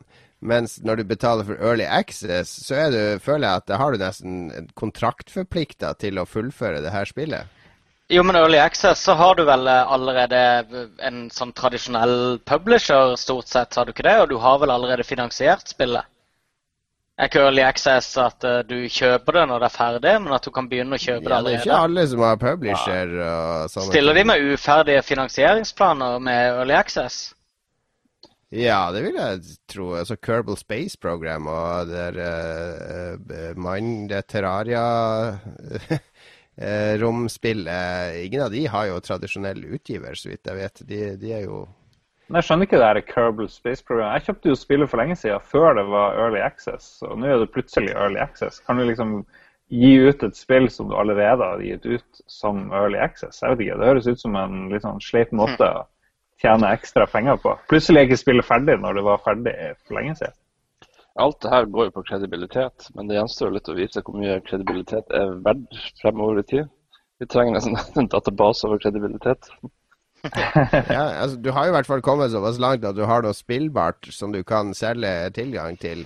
Så da må vi jo tro at de klarer å lage det fremtidig eh, ferdig. Men jeg vet jo fra mange utviklere som jobber ganske lenge på noe, og så eh, kan vrake det fordi at de blir lei og har lyst til å gjøre noe annet. Og da er det jo veldig takknemlig for at de egentlig ikke har visst frem så mye av det, eller snakka så mye om det. Men uh, Nei, Early Access er En må nok se det an fra tittel til tittel. Kan ja, ikke konkludere nok, med det? Men, Men kommer, synes, det, eh, kommer, det, early access til PlayStation 4 og Xbox One? Er det en ting som kommer i fremtiden? Ja, til de rette spillene. Jeg ser jo ikke noe poeng i å gi early access til f.eks. et nytt Tomb Raider-spill. Uh, altså Skal du spille gjennom halvferdige leveler der teksturer mangler, og der det ikke er optimalisert, og der, ok, det er ikke noen fiender på det levelen her, men spill nå gjennom den for det. og det må være sånn som Daisy og Minecraft, som er mye mer dynamiske, åpne spill. Men nå er det ikke det han spør om, vår kjære venn her. Mm. Han spør om alle spill kommer til å være stappa fulle av alternative finansieringsmetoder som bare skal gjøre folk rikere og rikere og rikere på spill de eh, enten ikke har lagd ferdig, eller som de allerede er ferdig med. Ikke sant? Om det skal være fullt av sånne eh, billige måter å holde på ja, spillere skjønner, for microtransactions. Og, og, det er jo greia, da. Altså, det vil jo alltid være noen titler som vil være spekka med sånn. sånn som altså, Call of Duty og disse her går jo i den retninga, for det er sånn hyperkommersielle suksesser. Men Uh, Og Fifa og disse her vil jo Altså EA er tydeligvis et godt eksempel her, og Activision og de store kommer nok til å fortsette med sånne ting. Men jeg tror ikke det blir noen sånn tendens i alle spill vi ser på markedet fremover. Nei, eh, Han spør jo om f.eks. om online-moduser er liksom med på alt for å tjene penger gjennom ting du kan kjøpe der. og Infamous Second Son har jo sagt at de ikke skal ha en online-modus, f.eks. Så vi kan jo håpe i hvert fall at det ikke blir likt hele veien. Men jeg syns det er litt interessant om fordi hvis du skal ha Early Access, så må du ha et slags framework eller en basis for å ha det. Og da må du nesten ha noe sånn Steam-greie på konsoller. Du må ha noe mer enn det vi har i dag, og det har vi ikke. Men med Portal 2 så hadde man jo en slags Steam-funksjon i det spillet på PlayStation. Man hadde det ikke på, på Xbox, og jeg vil jo tro kanskje at Valve syns det hadde vært litt kult å komme med Steam til konsoller. Det hadde vært jæklig kult, eh, syns jeg i hvert fall. Når det gjelder online-versjoner og sånne ting, så er det jo mange som mener at uh, i stedet for å lage en meningsløs deathmatch-mode bare for å ha det i spillet, så kunne de heller brukt energien sin på å utvikle spillet mer. da. Men stort sett så blir jo online-delen outsourca, gjør den ikke det? Uh, det er jo på sånne blockbuster-spill, jo. Ja. Så det er vel ikke noe som, som går direkte svaret, uh, svaret til Øyvind er jo at alle fremtidige blockbuster-utgivelser vil inneholde det som de klarer å få penger for. Altså hvis, hvis du hater Early Access og Free to Play og in-app purchases og alt mulig sånn, så må du for guds skyld la være å støtte det. Eller, for ellers så blir det bare mer av det. Altså Det er jo en dynamikk i det her som ja. gjør det, det er jo en grunn til at EA putter alle de her tingene inn i spillene sine. Det, de hadde jo ikke gjort det hvis det ikke hadde vært et marked der. Simpsons er vel det spillet de tjener mest penger på for tida, er det ikke det? Tapped, tapped out, ja, på ja. iPaden. Ja. Uff. ok. Så, så, ikke betal det hvis dere ikke har lyst på de tingene i spillene, er vel konklusjonen. Det gir jo mer, gir jo mer makt til uh, sluttbrukeren, da. Jo, men problemet er jo at det gjør jo Det er jo som å se på TV. altså Sluttbrukeren har jo all makt der òg. Det er bare Hvis man bare ser på bra programmer, så blir det bare bra programmer. Men så har du alle de dumme seerne som ser på alle de dårlige programmene, som gjør at din smak blir, uh, blir dytta ned. Mm. Alle klager på VG, men det er så mange som leser VG, så da er det jo det som dominerer. Jeg har aldri klaga på VG og det briljante programmet Level Up oh, ja. Har vi ikke noe beef med de? ikke ennå. Det kommer. Oh, ny beef. ny beef. Lord Øyvind, aka Rosa Gulrot på Twitter. Hva var vårt førsteinntrykk med Xbox 360 og PS3 da de først kom ut? Det syns jeg var et morsomt spørsmål. Ja, ja Nå ser vi plutselig bakover i stedet for fremover. ja, men man skal lære av historien. Vi, det var jo Xbox 360 som kom først i Norge. Jeg vet ikke, Var det et halvt år eller noe sånt at eh, PS3 kom ut? og Da var jeg jo allerede frelst på Xbox 360 og syntes at alt på PS3 var dårligere, bortsett fra Motorstorm, kanskje, som jo var et awesome eh, bilspill. Men de hadde, de hadde partchat og de hadde eh, det her OS-et sitt som var mye bedre. og Du kunne følge vennene dine mye bedre, og du kunne spille musikk mens du spilte spill. og jeg vet ikke. Jeg bare husker at jeg var veldig lite eller litt lite imponert av PS3 da det kom. Jeg liker fremdeles ikke den cross media bar-greia de har på PS4, men nå hører jeg jo at eh, PS4 har bedre OS enn Xbox One. Så det som det jeg liker med PS4 nå, er at du kan gå veldig lett inn og ut av ting og tang. Så det, det liker jeg. Men jeg, eh, jeg likte det ikke på PS3 i det hele tatt. Jeg syns PS3 var helt forferdelig da den kom. Eh, jeg likte også Xboxen veldig godt da den kom. Men det var, det var kanskje også fordi jeg spilte veldig mye på Xbox 1 på slutten av Xbox 1-karrieren. Fordi da begynte jeg å virkelig å få sansen for Xbox Live. Jeg spilte sånn Rainbow Six og Ghost Recon og, og Splinter Cell og mange sånne spill på Xbox Live på Xbox 1 over nett. Og det var jo noe som var helt håpløst å få til på PlayStation, for der hadde du Sokom, liksom. og det var bare knøl å få online til å funke. Så det var veldig sånn smooth overgang fra, for meg fra Xbox 1 til Xbox 360. Og online funka med en gang, og alt var smooth og akkurat som det skulle være. Og ikke minst, det var jo en visualizer eh, til musikk, hvis du spilte musikk der, som var laga av Jeff Minter. Altså Det er jo 5-0 allerede der til Microsoft for å leie inn Jeff Minter til å lage musikk-visualizer. Og de hadde Geometry Wars fra starten av, som jo er et oh. fantastisk spill. Men det i seg sjøl var ganske lame, da. At det ble Jeg husker, husker du pressefesten i Joanna Dark-leiligheten der, når vi var første ja, hands on? Vi bodde jo der i noen uker. Eh, men da var det liksom Uh, der sto de der, Launchspillene sto fremme på massevis av maskiner, men alle satt liksom og venta på tur på å spille Geometry Wars, som var liksom en HD-remake av gammelt eh, indiespill. Ja, men de hadde, Eh, de, men jeg- de hadde Condemned og, og eh, Ja. eh, Men, men jeg er helt enig. Jeg var, jeg var super PS2-fan. Eh, jeg spilte enormt mye på PlayStation 2 og 1, for så vidt. Eh, jeg var ikke så veldig på Nintendo på den tida der. Eh, og, men jeg husker liksom bare at, at Xbox etter hvert den bare grodde på meg. Det vokste, han, Vi varma opp på han, rett og slett. Altså Når Xbox Live begynte å bli greit, og, så eskalerte han bare. Og med Xbox 360 så bare fortsatte de den eskaleringa. Med Xbox 360 så ga det deg jo achievements, Magnus, og da var det jo, da var det jo, var det jo konvertert umiddelbart. I Uno og Hva var det her for? Hexic og Ja, jeg var ganske vill på de der spillene. Hva med deg, Frank? Husker du når de ble lansert? Hva, hva, var det, hva tenkte du da? Du var jo anti-Microsoft i utgangspunktet, antagelig. Jo, men jeg var veldig interessert i Japan og alt derfra på den tida. Så eh, får tilgang til en del eh, nei, japanske rollespill og sånt, det var stor stas. Ja, for det var de flinke på på Xbox 360. Du hadde jo Lost Odyssey og Blue Dragon og et par andre eksklusiver der. Det er bare å glemme nå denne eh, generasjonen, tror jeg.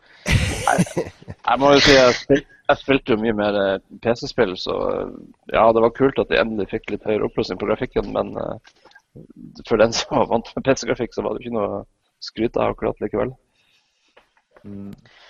Men det var litt eh, jeg, jeg husker veldig godt den følelsen av å, å skru på Xboxen. Jeg husker jeg snakka mye om det, om den der eh, community-følelsen. Bare med å skru på maskinen, at jeg kunne se hvor vennene mine var, hva de drev med, og kunne Ja. sammenligne achievements og sånn. Det var en helt ny opplevelse da med De var litt forut for sin tid der. Det Var liksom pre-Facebook og sosiale medier og alt. Ja. Men du kan vel ikke gjøre det på PS4 nå enda? Kan du det? Jeg vet ikke. Jeg får ikke med meg hva folk gjør før det dukker opp på den der eh, What's New-feeden.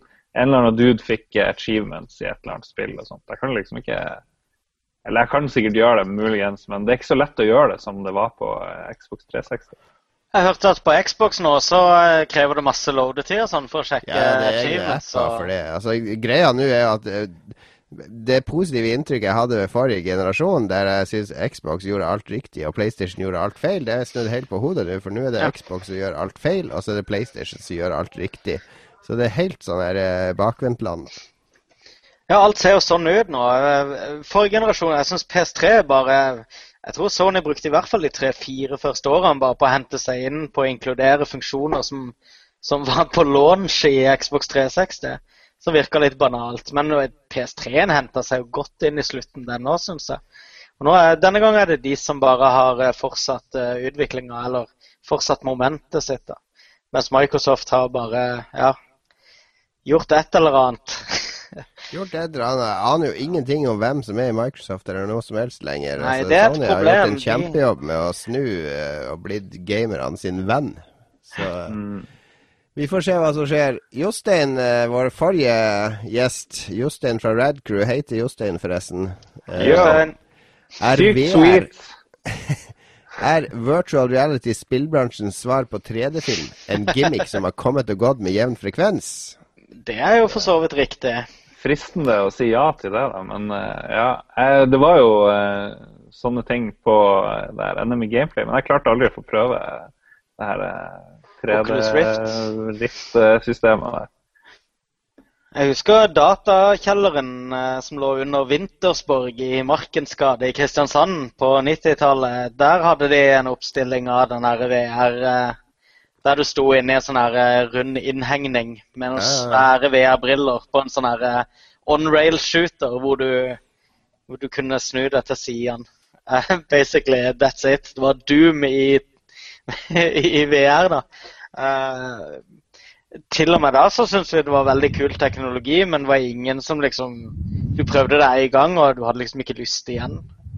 Eh, Jeg husker, jeg husker Saga, når det ble kjøpt opp av Hydro. De hadde et sånn VR-rom som de brukte til å um, modellere data for oljeutvinning. da. Og der hadde de jo selvsagt installert Quake. da. Det var liksom eh, et rom der alle veggene var eh, dekka, bortsett fra der du kom inn døra. Og full 3D, da. Og så, men bare den ene personen som hadde på seg brillene, fikk perspektivet riktig. Perspektivet var feil for alle de andre. Mm. Men eh, ja. Det var kult, men eh, det var Ja. Har du lyst, har du fulgt med på det her Oculus Rift-greia og de her uh, nye, nye brillene som gjør at du kan være i, i, inne i verden? da? Er det fristende? Det er jo det. Du kan jo få en del mer klaustrofobiske aspekter av spill, f.eks. Så for sånn mer thriller-type spill, så, så, må jo det være tingen å få til å se der hvor skuldra titter ofte Høre lyder og ser deg nervøs rundt. Det, det, må jo være gameplay i det. Ja, hvorfor har du ikke kjøpt uh, Oculus Rift eller vært med på uh, greia der, da?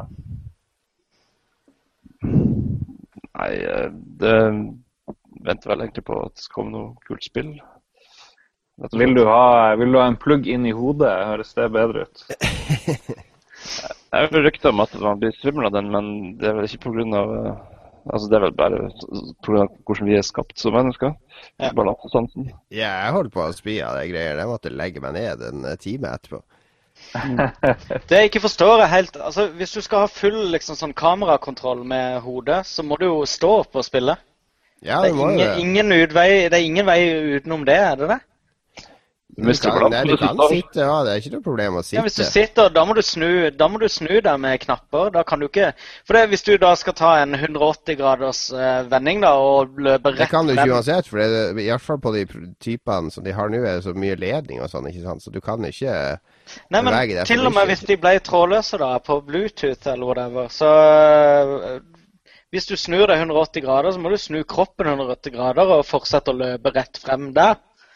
Du er jo, jeg husker ikke om det funker sånn, men det, det, er ikke så viktig det uansett. Altså, det funker, det gjør det, men det er så Så lenge det er tiltak å bruke det for deg, så kommer det aldri til å bli mainstream.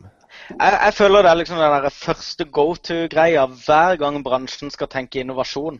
Det er sånn at hver gang, det virker som det, hver gang de store utviklerne liksom blir spurt sånn her, hva er neste steg, så er det første som faller det inn, er liksom VR. ikke sant? Akkurat som, for det, det er en annen sånn her 80-tallsvisjon uh, av hva fremtida er, virker det som. Som bare ligger og ulmer i hjernen på folk. Jeg tror fremtida er noe helt annet. Jeg tror det blir, jeg tror Oculus Rift blir en moderat suksess. og så tror jeg det kommer en del spill som passer bra til det. Det kommer det masse spill som ikke kommer til å passe bra til det. Det blir litt som å ha sånn superavansert ratt- og pedalsett hjemme. Du gidder ikke å dra det frem og rigge det opp hver gang du skal spille ti minutter Need for Speed. Men du tar det frem hvis du skal sitte tre timer med Gran Turismo, ikke sant? Men rent sånn businessmessig, da. Du må jo ha en installbase. Du må ha folk som kjøper denne Oculus Rift. Du må ha mange nok som kjøper det til at det er lønnsomt å produsere spill til det. Og for at EA eh, e og disse her blockbusterne Ja, men du kan skal... Eh, tune eksisterende spill til dem, men det var, problemet er jo bare at sånn som Jeg spilte Team Fortress 2 med det, og det var helt forferdelig. Ja. Fordi at Ja, men det er jo eh, lagd for Oculus Rift, til og med, er det ikke det? Jo, men det, det, så, det, går så raskt, ikke sant? Og det, ja. blir, det er så mye lettere å sitte med mus og tastatur og en skjerm og ha full kontroll enn å virre rundt og, og, og, kaste hodet hit og dit og få vondt i nakken eh, til slutt. Men sånn som Myst og sånn, det er helt perfekt for det. Fordi da skal du inn i en verden. Men det første som slo meg når jeg dro derfra Det moderne at... spiller Myst. ja, men hvis du lager en rolig, en rolig 3D-verden der du vil virkelig transportere deg til den verden men jeg tenker, hvis, sånn som Obos, de kunne brukt det når de, når de skal lage nye boliger, boligprosjekter, blokker skal de lage de virtuelt, så du kan komme på virtuell visning og gå rundt i leiligheter som er ferdige om halvannet år. Altså Det er mange sånne nytteområder. Til, Jeg kjenner en som driver et arkitektfirma hvor de lager virtuelle, virtuelle versjoner av, av arkitekttegninger, sånn at en kan besøke huset før det er bygd. Ja, jeg, vil på, jeg, vil på virtuell, jeg, vil gå på, virtuell, visning med zombier til stede. Det blir litt mer interessant. ja, men alt det der ja, kult hus og sånne ting, men hva om det kommer zombier? Hva gjør jeg da? Men Lars, det får du løst uh, om ikke så altfor lang tid. Når uh, ting à la Google Glass og deres arvtakere kommer, yes. så kan du få overlays med forskjellige ting, f.eks. For zombier som kommer. Ja, ja, ja. Nude, nude, nude skin patch òg, da, for alle jenter. jeg leste en bra sci-fi-bok, jeg husker ikke hva den het, men jeg skal finne tak i det. Det må være noe for deg, Frank. for da alle gikk rundt med glass, og de hadde sånn sminke på verden.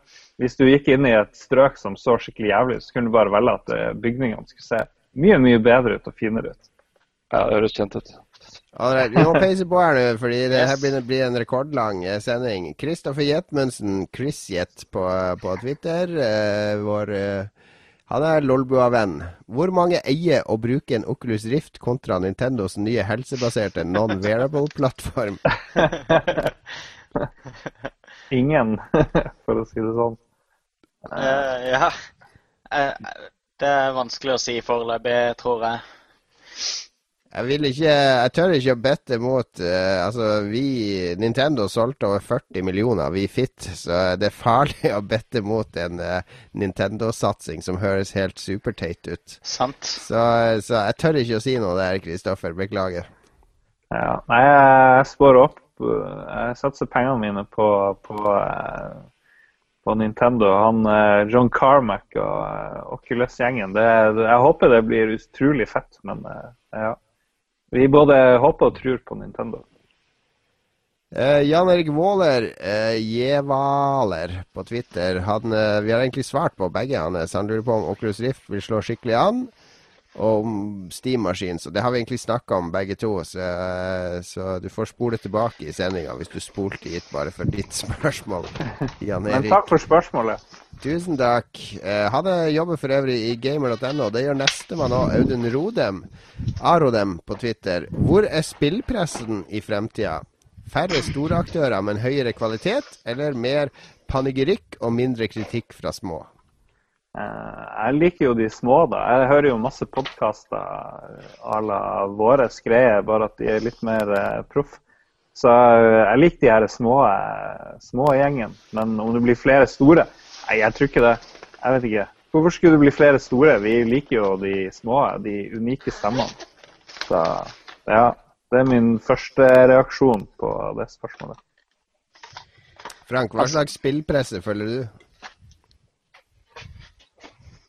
Uh, ja Slash dot når de skriver om spill. That's it. Ingen av de norske? Har du vært inne på gamer.no for å finne artikkelen om deg en gang? Jo, det har jeg sagt. um, jo, nei, jeg ser jo uh, artiklene støtt og stadig har sagt.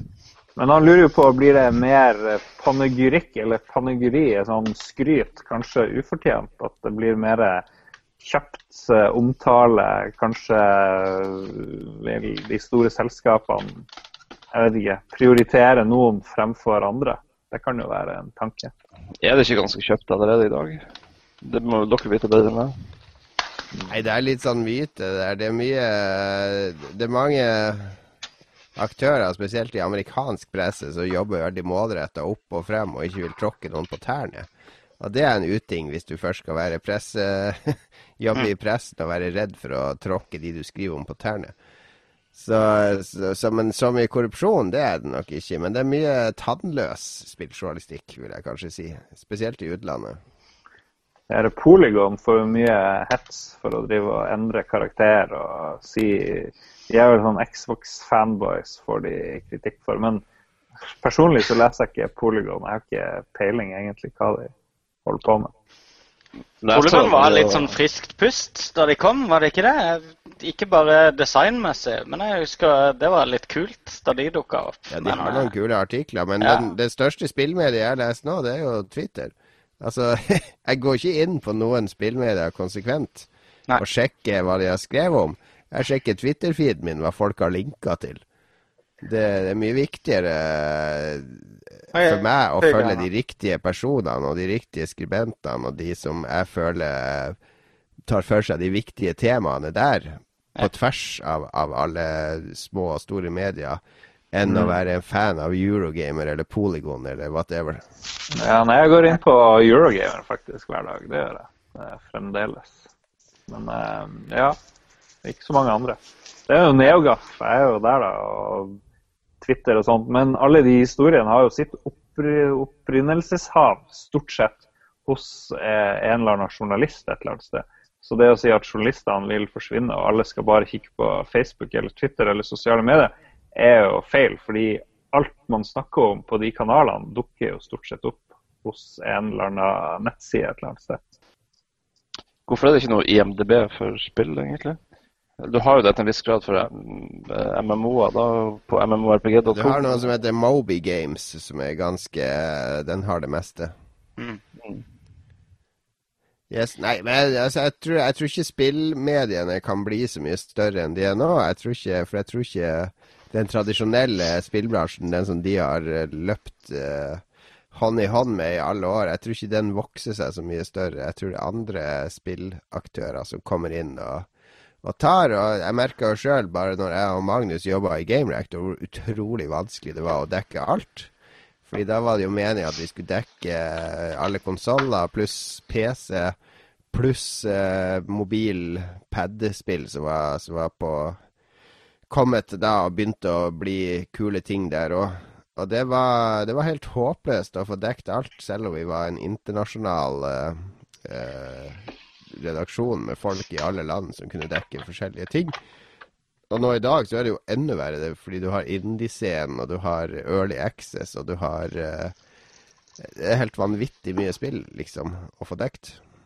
Så jeg tror uh, Altså, jo mer du spesialiserer deg, jo bedre, egentlig. Jeg, jeg syns de små, spesialiserte, fokuserte, de har ofte utrolig bra vinklinger på ting.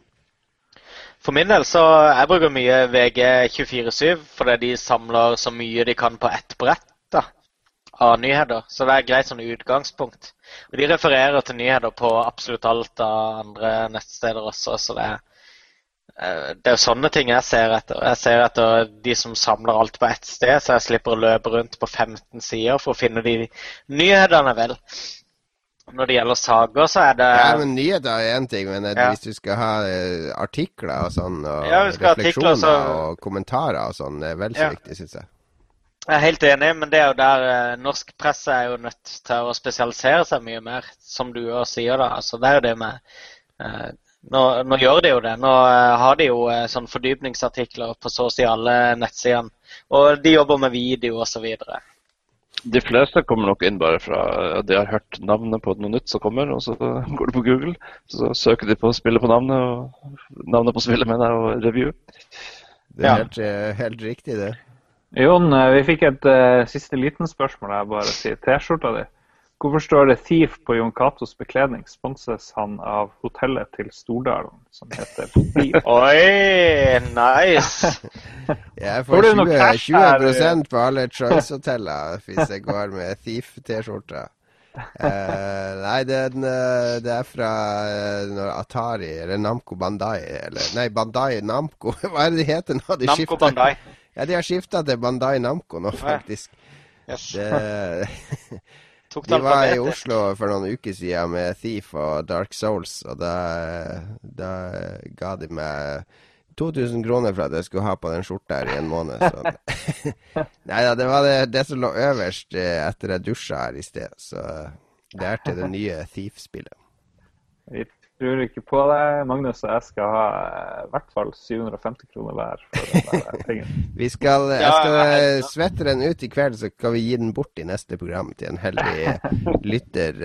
Uvaska. Jeg går faktisk med 3DS uh, Nei, DS-T-skjorte, faktisk. Ja, du har den, ja. Lurer på om ikke jeg skylder noe, eller at ikke det er noen som skylder meg òg penger her. Touch me. Ringer. Jeg er en hel haug av de der touch me-tingene. Ja, ja. Eh, Thomas Heger, også fast bidragsyter og tidligere gjest. Steam Greenlight, yay, nei? ja.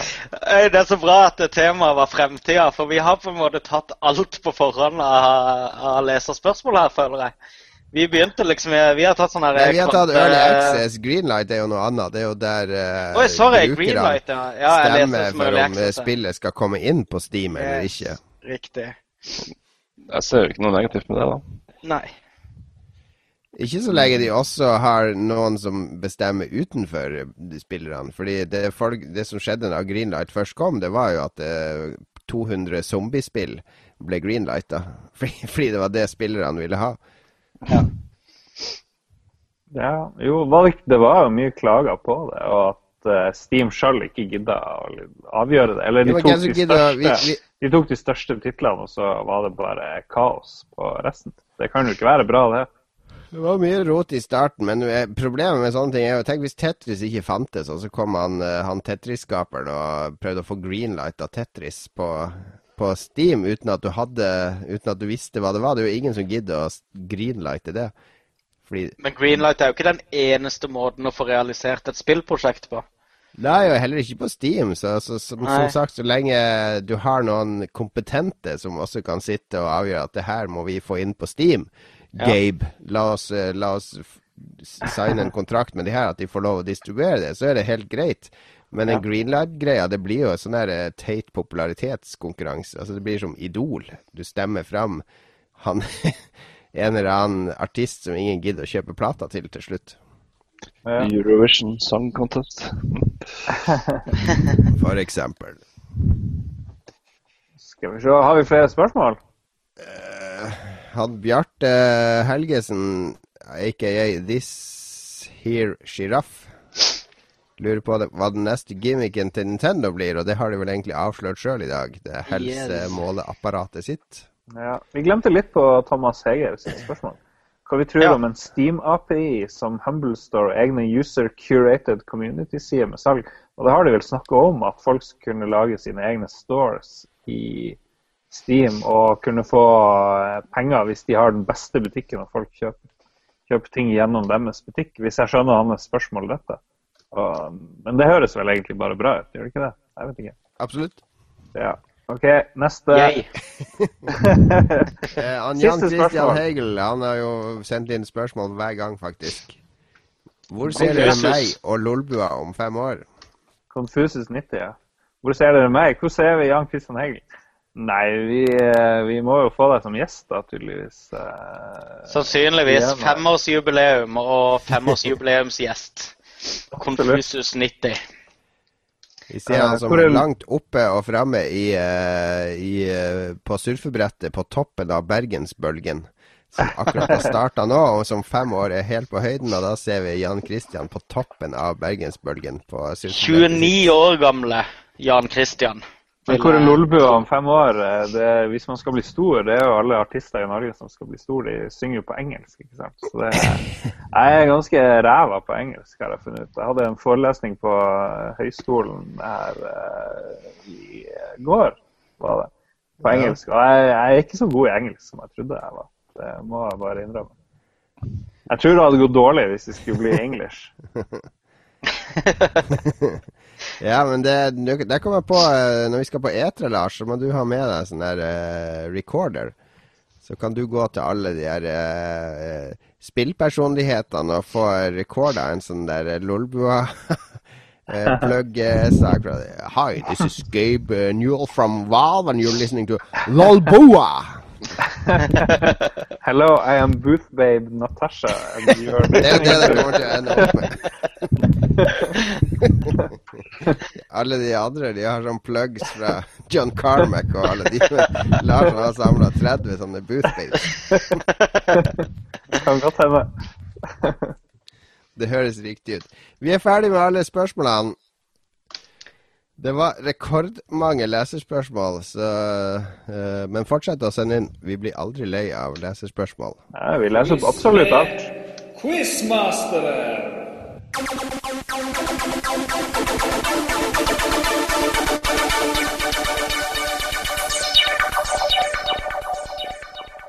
Ja vel. Da er det bare å flekke opp uh, Facebooken, folkens, og sende inn uh, svar på Nå er det quiz, Frank. Mm. quiz til meg. Skal jeg finne frem spørsmålene? Vi har til og med en premie til lytterne i dagens uh, quiz. Uh, plutselig fant jeg ut at jeg hadde en kode til et spill som absolutt alle vil ha. Så de som først kanskje inn koden i Xbox 360-en sin, vil få det her spørsmålet som dukker opp i løpet av denne quizen her. Skal vi se har alle opp sin Facebook og kan sende meg svar. For det blir ikke sånn rope ut først-greie. Uh, og det blir selvfølgelig en future quiz. Det blir uh, fremtida står i fokus også her. Jeg har, jeg har ikke skjønna det. Jeg er klar. har ikke Har du ikke frenda Lars på Facebook? Hva er det her for noe? Frank Tore Johansen. Han har gått på Heggen videregående skole. Vi er jo venner, Frank. Ja. Jeg skal sende deg en melding her. Du står ikke som online en gang, Lars. Jo, jo, jeg er jo online. Jeg har deg oppe her. eh, Ja, du står bare ikke oppført jeg som online. Jeg skriver 'Hallo, Magnus'. Ja, Jeg ser at du skriver. Der var du. Ja. ja, OK, vi er alle på plass. Da Han er ikke online hos meg heller. Nå har jeg sendt deg melding. Nei, jeg ser heller ikke. OK. Kalabala skriver jeg til Jon, og hallo til Frank. OK, da kjører vi første spørsmål. Da er det bare å skrive det inn uh, her. Skal vi se. Spørsmål én på min Ultra Future Quiz, hvor det også er uh, premie til lytterne. Spørsmål nummer én. Uh, I hvilket år kom den første VR-maskinen utvikla av Ivan Sutherland? Vi har snakka mye om VR og sånne ting, ikke sant? Når tror dere den første dukka opp? Det er spørsmålet. Vi har fått to svar. Hva definerer vi som VR, da? Det som sto på eh, Wikipedia. Den veide visst Kan vi 20 òg gå inn på Wikipedia og se hva som sto der?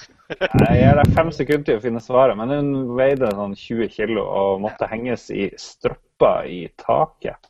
Eh, Franke er nærmest svaret, og svaret er 1968. Det var kalt The Sword of Damocles, for den var så ut som en sånn absurd contraption som pekte nedover mot hodene på eh, folk.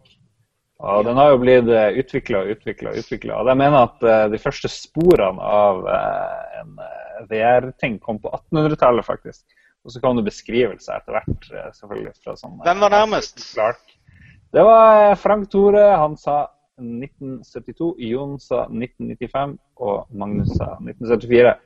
Så da gir vi ett poeng til Frank, som jo er vår fremtidsekspert. Det er jo bare naturlig. Det var jo strengt tatt bare han som var født da den jeg kom.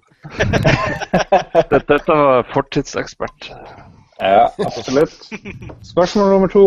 Spillet Future Wars fra franske Delphine Software var designet av Paul Cuisset, som også har laga et plattformeventyr fra 1992, som også kom i remake i 2013. Hvilket spill snakker vi om? Ja. Da tikker det inn svar. Vi har fått svar fra blander det Jo alltid. og fra Magnus, og vi mangler fra Frank Tore Johansen. Frank sier det er neppe Loadrunner. Eh, Magnus sier at det var eventuelt Another World, men første svar Jon har svart fem ulike ting. Jeg sa flashback. Jeg sa flashback. Men eventuelt Another World'. Ja, også med den amerikanske tittelen. Ja, eller Out of This World. Jon sier Out of This World som en amerikansk tittel. Men Ja. det var Magnus som var først der, så vi gir rett. Jon, du sa Another World. Fullstendig feil. Jeg tok det tilbake. Altså, Det var det flashback? Det var flashback. Det var Hæ? flashback. Ja, riktig. Ja. Så det er 1-1 til uh, Franke og Magnus. Jon, you are a loser. Skal vi se. Da ender vi quizen for i dag. Med uavgjort seier over Jon Cato. Ok, og nå kommer det som de som vil laste ned podkasten. Den første som puncher inn er koden til Flashback, som vil ha det. Det var ikke en veldig bra remake, men det var verdt å spille det. Jeg syns det var gøy. Og koden er QCCHF 3CDCW 9XK92 37CX3 HJ2KZ. Det blir ikke nevnt flere ganger, så her er det bare å spole tilbake og finne det ut. Skal vi se, Spørsmål nummer tre. Boka 'Neuromancer' kom i 1984 og kom til å påvirke sci-fi-sjangeren og popkultur generelt. Hva het forfatteren? Hvis flere har rett, så er det den første som får det rett. Kjør på. Og vi har fått to svar. Magnus har ikke. ikke svart. Eh, Det var nok, eh, det var nok Franke som vår Han har gått på touchkurs, det er jo Du kan få lov til å si det rette svaret, eh, Jon. Nei, jeg digger det ikke. Jeg skal ikke ha noen sånn der eh, klapp på hodet-trussel. Du kan si svaret, Jon! Ja vel, Frank, hvem var, hvem var det som skrev den boka? Det var William Gibson, men han var ikke den første som begynte å skrive cyberpunk. Det Nei, var, det, det var det sikkert ikke. det Hvem var var den Werner, første? Werner Wing, vil jeg si, med True Names-historien. Var langt forut sin tid, og mye mer autentisk enn uh, New Romancer. Ok, Likte du boka, da? Neuromancer, selvfølgelig. Eh, ja, det gjorde jeg jo, men uh, Han likte den før den ble mainstream. Nei, men han, du, kan, du kan si det sånn at han er ikke en teknolog, William Gibson. Overhodet ikke en teknolog. Han er mer en hipster. Kontroversielt. OK, er krisen ferdig? Er det mer spørsmål? Nei, vi har to spørsmål. Du kan redde deg inn her, Jon. Ja, ja, ja. Du får rett her, så blir det playoff. Skal vi se. Vi må bare være kjappe fordi Magnus har dårlig tid. Spørsmål nummer fire. Uh, Futuristspillserien b- Fallout bruker attributtsystemet Special, som står for ulike attributter. Hvilke attributter er det? De som får flest rett, får poenget. Special Ja, vi har ett rett her. Uh, nei, Magnus. Hæ? Første er riktig. Jeg tror Jon leder. Jon blir å vinne her uh, de luxe. Ja, vi kaller Nei, en er vinner allerede her, altså. Skal vi se. Det rette svaret er perception, endurance, charisma, intelligence, agility og luck. Og jeg tror, der, Lars. jeg tror du hadde fem eh, av Jeg har alle fem riktig. Se på den lista der. Seks, seks av seks. Det må jeg si. Det var Syv av syv. Det er syv poeng, da. Syv poeng. Ett poeng til Jon. Det er bare seks bokstaver i special, Jon. Det er ikke syv, men det er greit. OK, siste spørsmål. Det er sju. Er ikke det? Ikke Det er special, nei. S-P-E-C-I-A-L. Hvor mange bokstaver blir det? Eh, OK, da. Det er syv, da. Nå får jeg ekstra poeng, da, siden det var såpass mange at, jeg tok, at quizmasteren tok feil. Er det sånn du gjør det i quizen på eh, Tilt? Det er ikke sånn vi gjør det der. Absolutt spørsmål, ikke. Jeg får heller ta det på siste spørsmålet. OK, Frank leder med to poeng. Jon har rett, og Magnus har rett. Hvis noen andre enn Frank Franke får rett her, så blir det re-quiz. Spørsmål nummer fem. Arthur C. Clarke formulerte tre regler for å spå om fremtida. Hva kalles disse tre reglene? Ekstrapoeng for å nevne noen av de her reglene, siden det er siste fråga. Magnus har ikke peiling. Jeg burde hatt peiling, men Jon har ikke Jon sier 'less is more'. Å ja, da har jeg en. OK. Her kan man Skal vi gjette. se. Der har du de tre. History is future, reason is king. Ja vel. Nei, men et av hans mest berømte er jo Er det noen som skriver den der? Franke skriver. Kom igjen, Frank. Å, Frank driver og vinner her. Kom igjen, Frank. Skriv. Frank sitter jo og googler som bare det. Nei, Jeg føler jeg har det riktig på mitt. Ok, Du kan få lese det opp sjøl. Du trenger ikke skrive, Frank. Bare si det. Jeg husker bare ikke ett ord i den. Men uh, any sufficiently advanced technology is uh, indistinguishable from magic. Magic. Ja, det er helt rett. Ah. Det er den tredje regelen. En av de andre var at eh, gamle mennesker som spår om fremtida, har gjerne rett. Mens eh, gamle folk som sier at noe ikke kommer til å skje, tar ofte feil. Men Mm. eh, det der med any sufficiently advanced technology vil eh, liksom Kan man ikke skille fra magi. Betyr at Frank har tre poeng mot Jon sitt ett og Magnus sitt ett. Gratulerer. Gratulerer. Gratulerer, Gratulerer. Frank. Takk, takk. Da skal du få Gratulerer. den TIF-skjorta fra meg. Uvaska. Mm. Det var bra, bra quiz, faktisk. Jeg syns den uh, var du, du vet å rette temaet etter gjesten, Lars. Jo, det må vi gjøre. Selvfølgelig. Men uh, vanligvis så vinner jo du, Jon. Men uh, jeg har klart å hindre deg Jeg kan ikke huske sist jeg vant, altså. Det... Da jeg var gjest, så tapte jeg mot Jon Cato. Ja, men det var fordi du sugde. ja, Den nok. gang, da. Nei, vi ja. har uh, nådd veis ende. For, ekstrapoeng til den som klarer å gjette hvilken film denne låten er fra. Mm. Jeg har jo lest sendeskjemaet. Altså. Nei, jeg har ikke det. Hvilken film er dette? Er det en ny film?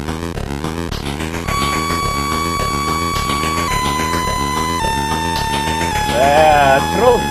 Det er Blade Runner. Det temaet Blade Runner! Nei! Sluttemaet til Blade Runner. Nei, nei, nei. Men sangen her er fra 1985, fra CRL-spillet eh, Blade Runner. Og det, det er et ganske spesielt spill, fordi de fikk ja. lisens til å lage et spill basert på filmen. Så da kjøpte de i stedet lisens fra, fra eh, plateselskapet som ga ut musikken. Så det er et spill som heter Blade Runner, som er basert på soundtracket til Blade Runner, og ikke filmen. Electronic Arts-spill? Nei, det var CRL. CRL som ga det ut. Ja, det var, nei, det var Var det det? Nei, det er jo Vangelis-låten i C64-versjonen. Uh, det er Bob Harsh, Harstshome som har laga den versjonen her. Men, uh, musikken til uh, siste Blade Runner-filmen er jo også veldig Nei, jeg mener Trond-filmen er veldig bra. Minner kanskje litt om Blade Runner-soundtracket. Ja, det er jo Daft Punk som har laga den musikken, faktisk. Ja. Det er en, har, det er en ende. Vi har satt ny, nyere lengderekord nå i dag igjen, eh, Lars. Forrige gang var det to timer. Nå er vi oppe i to eh, timer og et kvarter. Men eh, hvis antall lesespørsmål vi får inn er en sånn målbar eh, kategori på hvor populære vi har blitt, så, så, gjør det ikke noe at vi holder på lenge. Det får heller Magnus være litt trøtt på skolen i morgen. Husk at, jeg, husk at når du står opp, Magnus, så har allerede jeg vært oppe en halvtime med ungene står du opp 5.30? Ja Vi har kommet til veis ende. Sangen er snart slutt. Eh, vi må si ha det til alle som har fulgt oss live, og alle som følger oss på podkasten vår. Sjekk ut nboss.no eller lolbua.no for uh, oppdateringer fra oss. Vi høres igjen om en uke. Ha det bra. Ha det bra. Hei, hei.